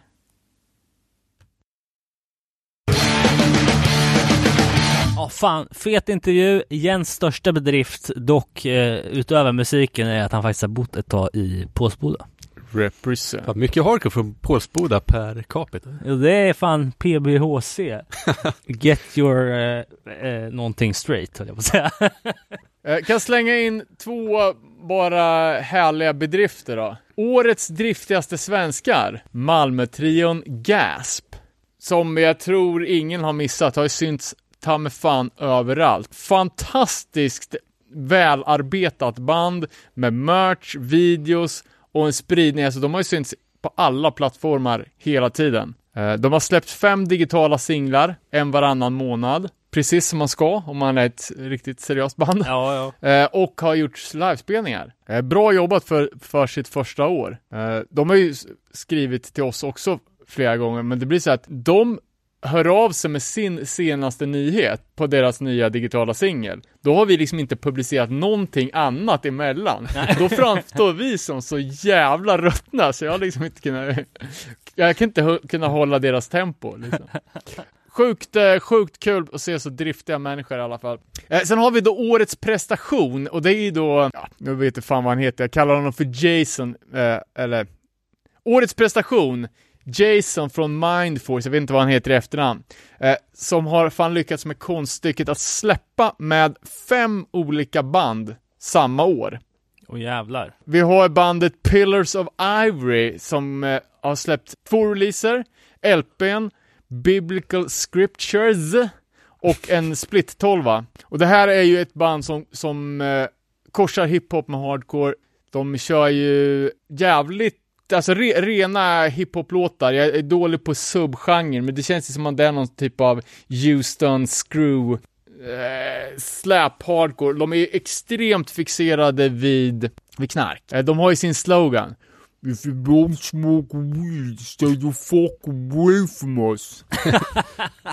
eh, och det är ju då sångaren från Mindforce tillsammans med Aaron från Death Threat. Eh, som rappar om att röka angel dust och eh, leva jävel. Ja, Eh, det är vad han har gjort sen. så det är, det är två, två släpp där. Sen bandet Dominion 18, där han spelar trummor, Jason. Eh, sen var jag med i New York All-Star-bandet Colossus, som släppte en sjua tidigt i år. Den sjuan skulle ju faktiskt ha blivit ett vinylklubbsläpp. Eh, det var typ spikat med Triple B, men jag drog mig ur för att jag tyckte den var så jävla dålig. jag hade bara hört det här innan som hype, att det var, att det är Tom från Indecision till exempel, och sen var det ma- massa nytt fräscht folk från New York från, från, Mindset och grejer, så jag bara, det här kan ju inte gå fel. Men Och det kan det. Det kunde det. Åh fan. Så jag, jag pulled the plug och så tog vi något annat. Sa du att, sa, du- sa du anledningen? Ja, jag slutar svara på mejl. eh, sen har vi bandet Out for Justice. Jävligt bra band. Ja, det, det är bra. Det är återigen den här, OFG Don't Play. det är li, lite otippat att det är så pass ljus sång på ett gruffband. Men de släppte ju då en LP i slutet på oktober. De har en split som kom ut i januari. Så det är sex släpp. Eh, och sen då eh, hiphop-projektet Yacht Clubbas som släppte en hiphop-kassett eh, i januari. Så han har alltså släppt, vad var det, sju, sju releaser med fem olika projekt på ett år. Men alltså eh, vadå? Eh, Out for Justice Nothing to Prove. Alltså den kom, den kom 2021. Jag trodde den var från 2020. Det var som fan. För de, de är produktiva som aset alltså. Eh, Ja, de, de släppte ju faktiskt den här split också som, Just det med Sector, eller? fan har de släppt en grej till? Nej, för det här var ju, vad hette de? Day of Mourning? Nej? Med... Ja, for... eh, Nej, fan. Ja, jag vet inte. Det här blir jävligt rörigt nu, men... ehm, Ja, de släppte en, en split 7 precis vid, vid årsskiftet till 2021. Och det var ju när de hade ju en fantastisk Wartime Manor rip-off precis. på omslaget, så Used den glömmer man aldrig. men... Det var årets prestation. Slå det om ni kan. Ja, jag vet inte. Jag, jag, jag skulle kunna slänga upp bubblaren då till årets bolag. Eh, Closed Casket lä- lägger jag på första. Run for cover då kanske på andra. Vi har ju varit inne på Fiddlehead. Eh, One Step Closer släppte ju sin eh, fullis där också. Eh, Just This det. Place You Know. Och den rankades väl ganska högt bland... Eh, Jag gillar den som fan. lyssnare. Jag tog med den som typ toppskiva. Jag tycker, tycker det var så jävla bra. Ja, alltså eh, One Step, det är också ett sånt här band som bara har gått från klarhet till klarhet. Världens mest intetsägande bandnamn dock. Ja. Men eh, vi hade ju med eh, From Me To You på årsbästa listan 2019 va? Och sen... Jag tycker det här är bättre. Alltså jag, jag, jag, jag fattar inte riktigt det här bandet. Jag vill så gärna gilla dem för att de är jävligt charmiga som personer, de gör mycket coola grejer. Eh, De la ju upp sin eh, videodagbok när de höll på och åkte skateboard och jag, jag, det är någonting med den här stilen. Jag, man brukar ju kalla det för oktavcore eller Mm. epic core, men det är någonting med det här som, jag, jag pallar inte. Det, det går inte hem hos mig. Men jag vet ju att folk dyrkar ju det här bandet. Mm. Jag ska också vilja in och gräva lite i beatdown-träsket. Eh, det gäller tre olika EPs som har kommit ut i år. Eh, Moral Slip, Know Your Place. Det är lite mer metallisk hardcore slash beatdown. Eh, lite, alltså, men, men ändå jävligt bra och kanske det mest kända av de här tre banden jag kommer ta upp.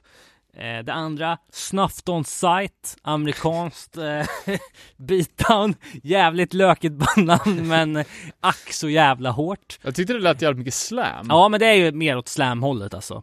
Eh, men det som jag tycker är bäst det är D- Detroits D-block som släppte sin Destroy, Intimidate, Eliminate. Eh, och eh, här har du nästan lite Out for Justice-vibbar alltså, men med mer fokus på dun, dun, dun, dun, dun, dun. Sånt som man är svag för. As, eh, tre riktigt bra släpp alltså. Eh, och jag tror i alla fall både Moral Slip och Snuffed on Sight finns på fysiskt. Eh, D-block vet jag fan. Men det finns på Spotify i alla fall. Kommer du ihåg de här Search Block? Ja! Från Cleveland, det var fan bra. Eh, straight edge eh, deluxe alltså. Eh, undrar vad som hände med dem, men eh, ja. Ska jag kicka in med några demokassetter då? Ja men gör det. Eller demos. Utan inbördes ordning kan börja i Finland. Killing Frost. Declaration of WW. Kan vara World War kanske. En fyra låtars kassett. Eh, och det här är ju typ, ja men Celtic Frost möter Carnivore Jävlar. Hardcore. De säger själva att de, att de inspirerade av Sheer Terrors influenser. Eh, släpptes och såldes slut direkt på kassett från ett engelskt bolag. Eh, jag lyckades köpa en begagnad som jag har på posten. Eh, och det här är ju Mirko, sångaren från Foreseen, som vi alla känner och älskar, eh, som lirar bas. Eh, och jag tror det är två dudes till från Foreseen. Okej. Kanske ett coronaprojekt. Eh, och det här är ja men lite mer, alltså crossover hardcore för att crossover mot heavy metal. Mm. Eh, istället för crossover mot thrash metal. Eh, och Jacko som, som lirar gitarr spelar ju även i superhypade Violent Spirit, eh, som släppte den här sjuan Fire, som också är i den nya trenden heavy metal crossover, fast kanske lite mer, lite mer metal. Och det här är ju smutsigt, smutsigt, ignorant, tungt, ganska, ganska långsamt, ga- ganska super, super cool. Inte power metal. Nej men det är ju typ for sin sång fast, fast lite mer, ja men eh, jag tycker Slash eh, Celtic Frost Carnivore så har du det exakt. Sen en grej som kom ganska nyligen då, Fate Alone. Finns för bara digitalt än så länge, en femlåtars. Eh, och återigen, eh, bröderna Young och Alec Faber från God's Hate. Så det är en trippel God's Hate-medlemmar eh, som har gått samman med Dennis från Freedom och gjort ett Oväntat. skolboksexempel på grått hardcore. Okej. Det låter som Freedom 2. Okej. Vad fan hände med Freedom? Bra fråga. Freedom ain't free. Precis. De släppte sin dåliga andra platta kanske och försvann i Ja, de släppte den där sjuan Som var alla bra, andra ja. band på F. Nej, men jag tyckte Freedom var ju bra ända till slutet. Jag är osäker på vad som hände med dem faktiskt. Och det här är ju, alltså entonsriff, primitivt, bootstomp, med militär image, alltså allt som man vill ha. Eh, och, ja men det är ju det, bröderna Young, de, de har ett fot i, i varje liksom genre. Ja, Bara, nu ska vi ha ett sånt band, vi ska ha ett sånt band, vi gör Twitching Tongues, vi gör Nails, vi gör det, vi gör, nu måste vi ha ett, liksom ett, knö, knölpåksband. eh, Jag exakt. antar att de har en egen studio också, eftersom han spelar in grejer. Ja, 100 procent. eh, och de säger själva, jag märkte inte det, men de säger att deras tre största inf- influenser till det här bandet, lite håll i hatten-läge nu, men de säger Jerry's Kids, Bastard och Tragedy.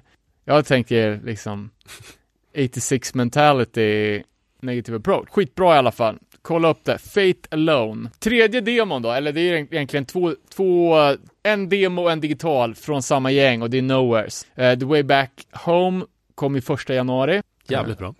Tre låtars var det väl. Bara 50 extra kassetten var man ju alldeles för seg för att köpa. Fick man stå med, långa näsan. eh, sen, släppte de, ju- plånboken. sen släppte de ju en två låtars eh, digital också med Ja. katten där. Var det inte en låt med på den där kompen också? Jo, Just det. Jävligt stabilt eh, och kul att se att eh, gamla Lions Den-folket är tillbaka i, i riffhörnan. Ja, nej men det är ju ett eh, bra gäng som gör bra musik. Eh, och det snackar vi om när det annonserades att de har signat på Genet. Ja, och det är ju svinfett alltså. Det är bara att hoppas på att, jag vet att de har spelat in nu med Ludvig Kennenberg som är en svinbra trummis eh, i Linköping. All right. eh, trummat. Skulle inte de spela live med- no, no Fun typ? Ja, precis, i april. eh, Det borde vi åka på. I Linköping, ja. Men det kanske blir både ett, ett, en apriltripp och en majtripp till Linköping då. Linköping. Linköping! Eh, och det är bara att hoppas att, det- att ja, förlåt.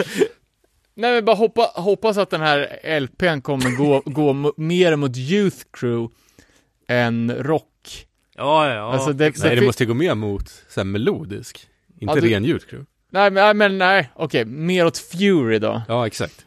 Exakt vad det ska gå åt. Som man är så svag för. Första skivan. Jag är osäker på om vi säger det i intervjun med Times of Desperation, men de blev ju också erbjudna kontrakt på Janet. Jaha. Är de 2022 kanske Janet-året? Kanske. Jag, jag vet inte vad, Har de ens släppt någonting? Senaste tio åren? typ inte. Eh, Det var demos, finns säkert en massa bubblar, men det var de jag hade, hade skrivit upp. Ja. Ska jag ta en favorit då? Ja. The Chisel. The Chisel. Vad har de släppt? En sjua och en LP i år. Ja, jag har lyssnat på LPn. Riktigt bra. Vad har vi att göra med? Jag har inte hört det här. Det är han som gör allt i England typ. Jaha, okej. Från Chub and the Gang. eh, Gang in the Shub. Violent Reaction. Vad fan är det mer? Det är något mer. Eh, Jag säger inget så har jag inget sagt. Eh, The Flex. Nej men där är Crown, Crown Court. jag. Crown Court. Just, Just det. det. Ja, Ja. nej, men det är ju e- engelsk, eh, engelsk oj. Eh, och jag var lite skeptisk till det här gänget i början. Jag är oftast det tydligen. eh, men jag diggar det här också som fan nu. Det tog ända till LPn för, för poletten att ramla ner hos mig. De har ju släppt totalt tre sjuor innan. Ja, men det är så, ja, det är jävligt välgjort typ. Jag diggar sången som fan. Coolt omslag också på, på den senaste. Vad är det? En gammal målning. krigsmålning. Ja, Ja, jag diggar det. De, de verkar det är grottmännisko-style. Nej, nej, nej, nej det, är, det är punk typ. Men det låter Ja. Ja, men- klassisk oj typ. Ja, men, ja, men lite, Klassisk li, engelsk oj typ. lite korthårigt, ganska snabbt, ganga svängigt. Du, jag tror du skulle gilla det Robin. Ja. Alla, alla gillar det. Det är ju superhypat. Ja, okej. Eh, det, det, här- det här är anledningen till att man lyssnar på punk och hardcore, när man kan kategorisera musiken som korthårig. då vet, man vet ju vad det handlar om då. Det är ett poddavsnitt. Vi sitter och gissar hur Ja, långt, långt hår folk har. Ska, ska jag dra en, en till då? Här är eh, en grej som jag inte gillar från början, som jag ändrar mig på. Och det är Age of Apocalypse. Mhm. Eh, Det är de, kom, med. de kom ju för något, något eh, fan, kan ha varit förra året eller året innan. Eh, och folk började snacka om, ja ah, men här är det nya bandet som kör Chromax Alpha and Omega. Och jag bara, jag orkar inte ett sånt band till. Jävla trött på den grejen. Så jag har liksom aktivt inte lyssnat på dem hela tiden. Men Jag hade inte lyssnat på dem heller, men du skickade lite låtar inför det. Eller vi skickade runt lite låtar. Jävlar vad jag fastnade för det här alltså. Mhm. Eh, ja, jag har inte lyssnat, eh, men eh, i och med att det är 30 år sedan Alfa Omega kom ut i år. Jag ska sluta dra de här referenserna. Men eh, så, så är det ju lägligt då. Ja, men det, det, fan, sången är jävligt cool alltså. Ja, ja men det är, alltså det är ju, Det svänger. Ja, men fan, är det nästan åt. Candlemass-hållet? Ja. Jag, jag tänker Twitching Tongues typ. Ja, ja, su- supermycket Twisting Chance fast det är mer sånt alfa och omega riffande liksom. Ja. Ja. för jag gillar inte Twitching Tongues direkt. Så, men, Ja, det, det, det är lite acquired taste på sången, men jag, alltså, jag, jag gillar det som fan. Motvilligt. Första gången hade man till och bara, fan är det här? Andra gången då är det det bästa man har hört. Typ. Okej. Eh, och de, de släppte ju en split med Pain of Truth. Du vet de, de här med kamphunden på Ja, sjuan från precis. förra året. Den split sjuan, eller splitten har ju också ett jävla brutalt omslag. Alltså. Jag fattar inte riktigt vad det är, jag har bara sett det på Spotify liten. Eller tribaler och dödskallar i, Ja, i två färger. ja. ja. Old English text. Lite blod som droppar.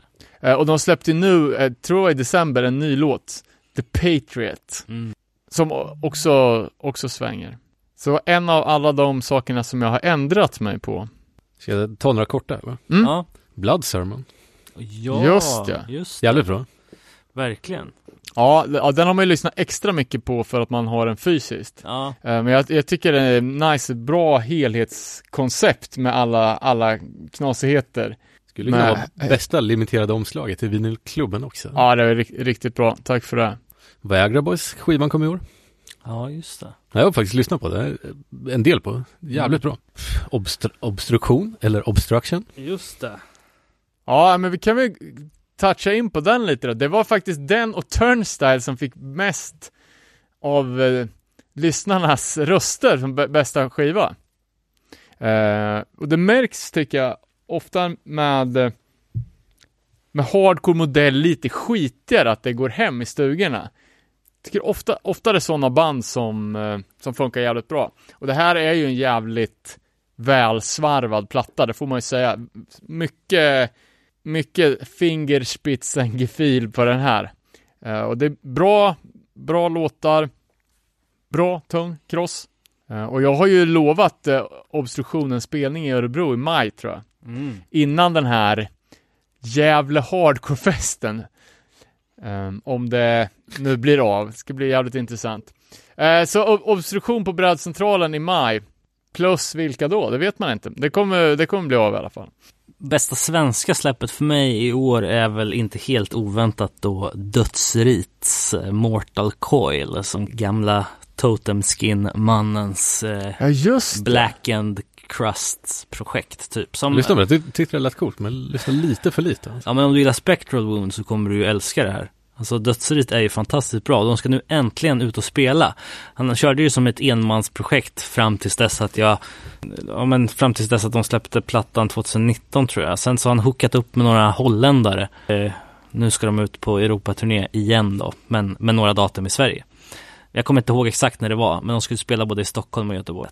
Vi fick ju på, på lyssnarlistan också Offermod och eh, Funeral Mist, är det svenska band? Ja, Funeral Mist är ju, eh, ja, Offermod är ju där, men, eh, men eh, klassiskt bra skit.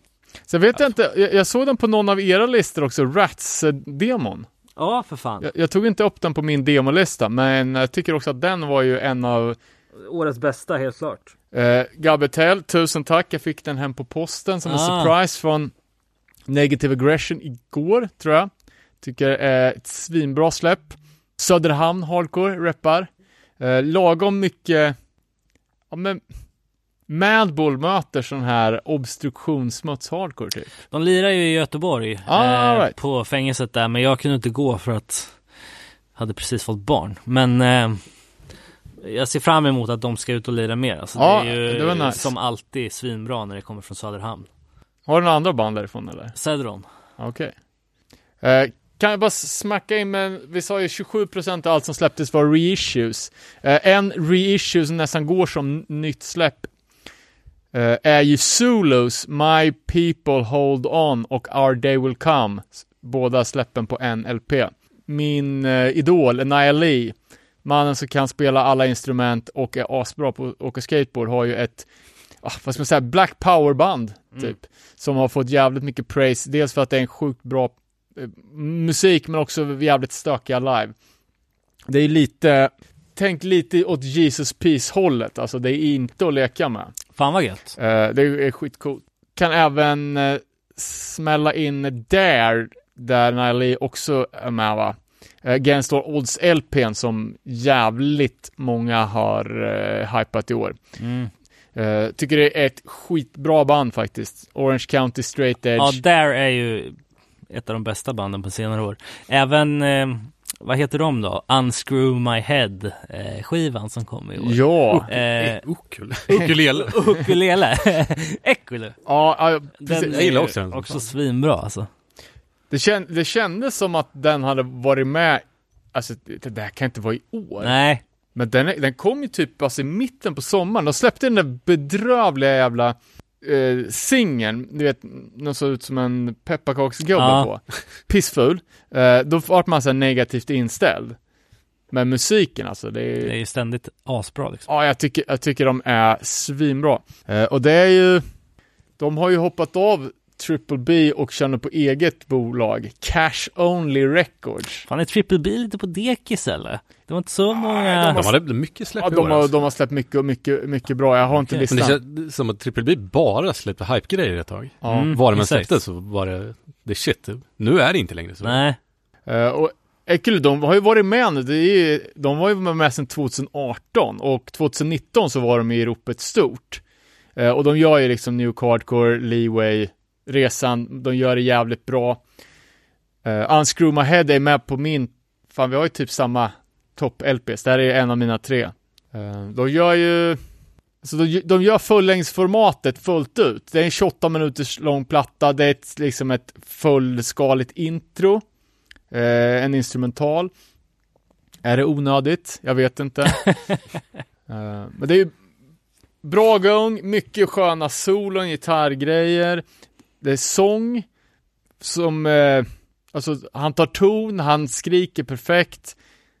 Det känns som att det här är ett band som eh, har varit med en, alltså, nästan som man inte kan skilja dem från typ Leeway. Alltså, så jävla välrotad är den här LPn. men alltså upp, upplever man inte det idag på ett annat sätt ändå? Att band som bara har några år på nacken eh, ligger i lika hög status som många andra som har jätte jättelångt gången karriär liksom. Bara för att man lyssnar så jävla intensivt på saker idag och hela tiden.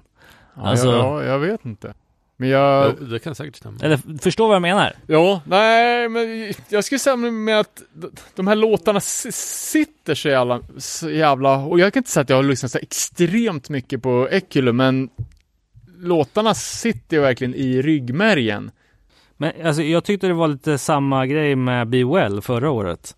Alltså att det kändes som att det här har ju varit med en hela livet, men det var typ deras andra släpp eller någonting. Ja. ja, men det är väl någonting, Första till och med tror jag. Ja, snackar om, eh, alltså en bra throwback. skriven låt som, Ja. som, som har den effekten att den sätter sig. Um, kan jag nämna även att Cash Only Records gav ut en grej till och det var ju en ny sjua från engelska Big Cheese. Just det, just det. Eh, ett av förra årets eh, mest eh, omtalade band. Men jag såg, det var Big Cheese var väl med på mångas favvo i år med va? Förvånansvärt få skulle jag säga. Den är inte uppe på tian. Nej. Nej, det var som fan. Vi får väl ta och lägga ut våra efter det här då. Ja, ja, jag har ju medvetet inte skvallrat något Nej, inte heller. sociala. Eh, och Ekulu-folket där, jag vet inte, de kom lite från ingenstans och blev liksom jättestora. Eh, två av dem såg jag sen spelade i Boston Youth Crew-bandet Glory. Som Mm. hade en, om ni kommer ihåg, en, en demo med en, var typ en pitbull på. Tecknad, så cartoon. Eh, och någon har spelat i Candy. Eh, men det kändes ju som att det här var liksom superveteraner som Vad Men- fan hette det där portugisiska bandet som hade Glory i namnet? Nej. For the glory. Ja, exakt. Men Sorry. Kommer du ihåg dem? Nej. In, nej, jag kommer ihåg att det fanns ett band som hette det. Ja. Inte mer än så. Nej, okej. Ja, sorry. Sen, sen ska jag bara dra på temat eh, reissue, så det här är ju mer skrattretande än eh, bra alla gånger. Eller, ja, det är bandet Antidote eh, och de släppte ju sjuan Die Shall Not Kill, typ 83. Eh, och det är ju rankat av alla som en av världens absolut bästa sjuor. Så även enligt mig. Eh, bandet gjorde ju sen någon sorts heavy metal försök till karriär och släppte två LP-skivor som, som totalfloppade. Eh, men många av det här bandet har ju varit kvar, spelat i andra hardcoreband. Vi har ju till exempel trummisen Arthur Googie som spelar i inte helt okända Misfits. Eh, och så vidare. Men nu på senare år så har ju de här eh, gamla New York Hardcore-farbröderna gjort som alla andra gamla New York Hardcore-farbröder, utan de har ju startat, eh, återstartat ett gammalt legendariskt band. Eh, de kan inte hålla sams, så de startar två band. Så nu finns det ju då ett eh, Antidote New York Hardcore understreck official och ett Antidote understreck New York Hardcore. som är ute och spelar gig samtidigt. Eh, Antidote understreck NUHC frontas ju då av Drew Stone. Som eh, har gjort, han gjorde väl Gjorde han, han har ju, han skrivit massa böcker om New York Gjorde han New York Hardcore-boken, eller var det Steven Blush? Skitsamma, han har ju gjort dokumentärfilmer, jag tror han gjorde Roger, eller Agnostic Front-dokumentären och, och lite så här. Eh, och det, det bandet släppte ju en sjua som heter Scared, eller Scarred. Som eh, jag har sett lite här och där som folk verkar, verkar tycka är jävligt bra. Eh, sen har vi då ett, det andra bandet eh, som eh, med Rob Nun, Nunzo. Fan. Varför kan inte jag prata för? Det är så jävla irriterat. Eh, det andra då som, som det andra antidotet med Rob Nuzio eh, och som, som eh, har Lou Riviera på sång. Eh, den här antidote-upplagan har nu börjat beefa med varandra internt och Lou är kickad ur bandet. Eh, Så att om ni tycker att Chromags och alla deras beefs är liksom för lite så kan ni bara börja kolla vad Antidote har för sig nu, för det är precis samma jävla röra. Men då har vi snart ett, Fast på korpennivå. Ja, ja det också. men då har vi snart ett specialavsnitt här med Antidote, Black Flag, Chromags eh, och diverse andra. Men hur viktigt kan det vara att behålla ett, ett namn som Antidote? Visst, sjuan är bra, men vad fan, det är Ja, nej, 40 år sedan. ja. Antidote släppte ju en, en, eh, en eh, LP på Bridge 9 för kanske sju år sedan. Eh, Peace in Our Time, som var okej om man ska vara schysst. Ehm, ganska bra låtar, men liksom sången var ju helt utdaterad. Och jag tror att det föll extremt platt. Men de ha- harvar ju på.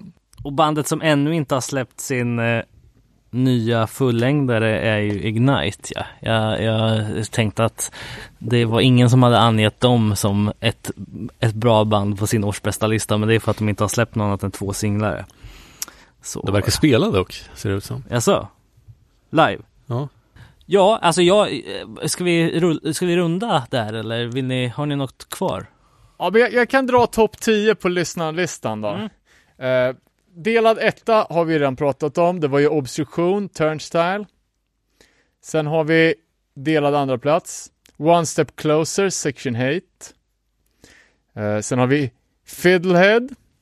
Eh, inte nämnda svenska knivad. Quicksand släppte en ny platta. Eh, vi har bootlicker. Eh, finska Violent Spirit. Exil. Eh, släppte ju en eh, jävligt ösig tolva. God's Hate.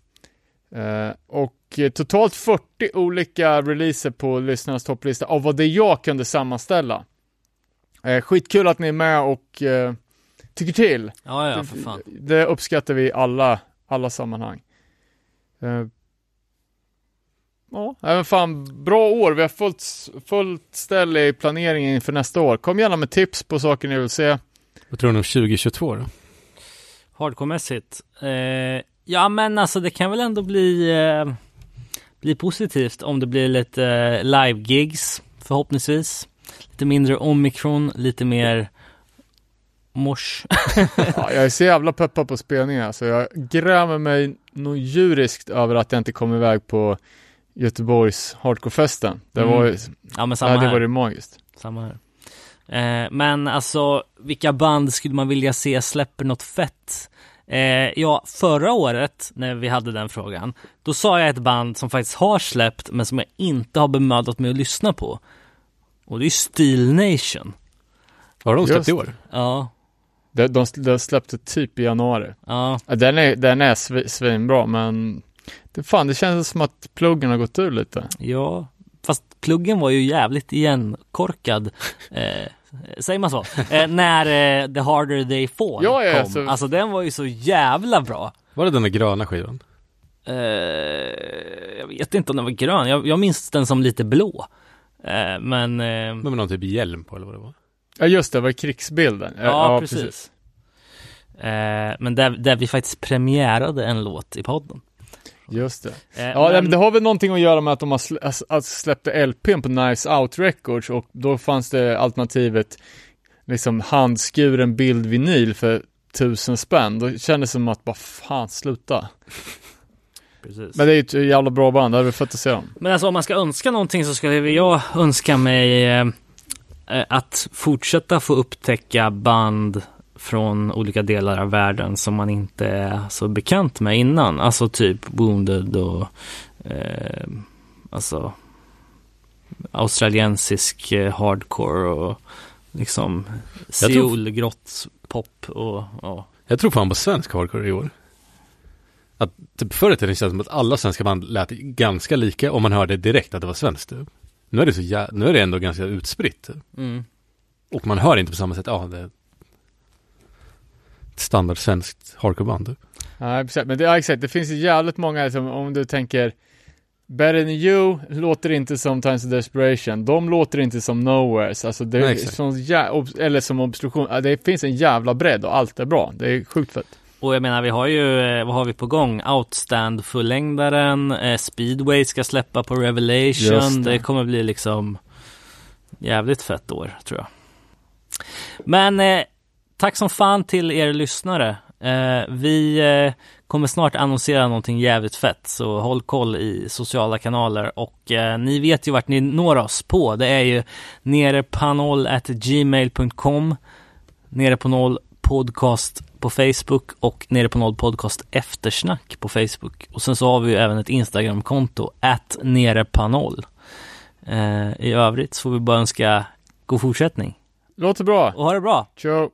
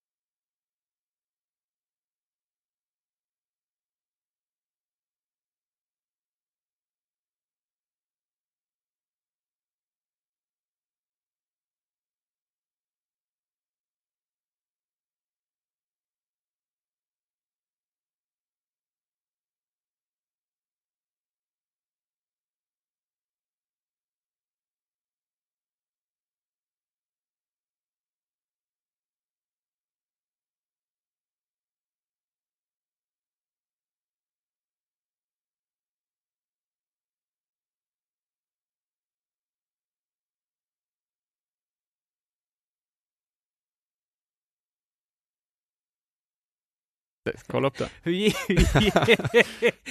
Du vill inte sjunga refrängen? Som att du inte vet. ja, mer statistik då. Jag vet då. inte, det här måste vi klippa bort. det här måste vi klippa bort.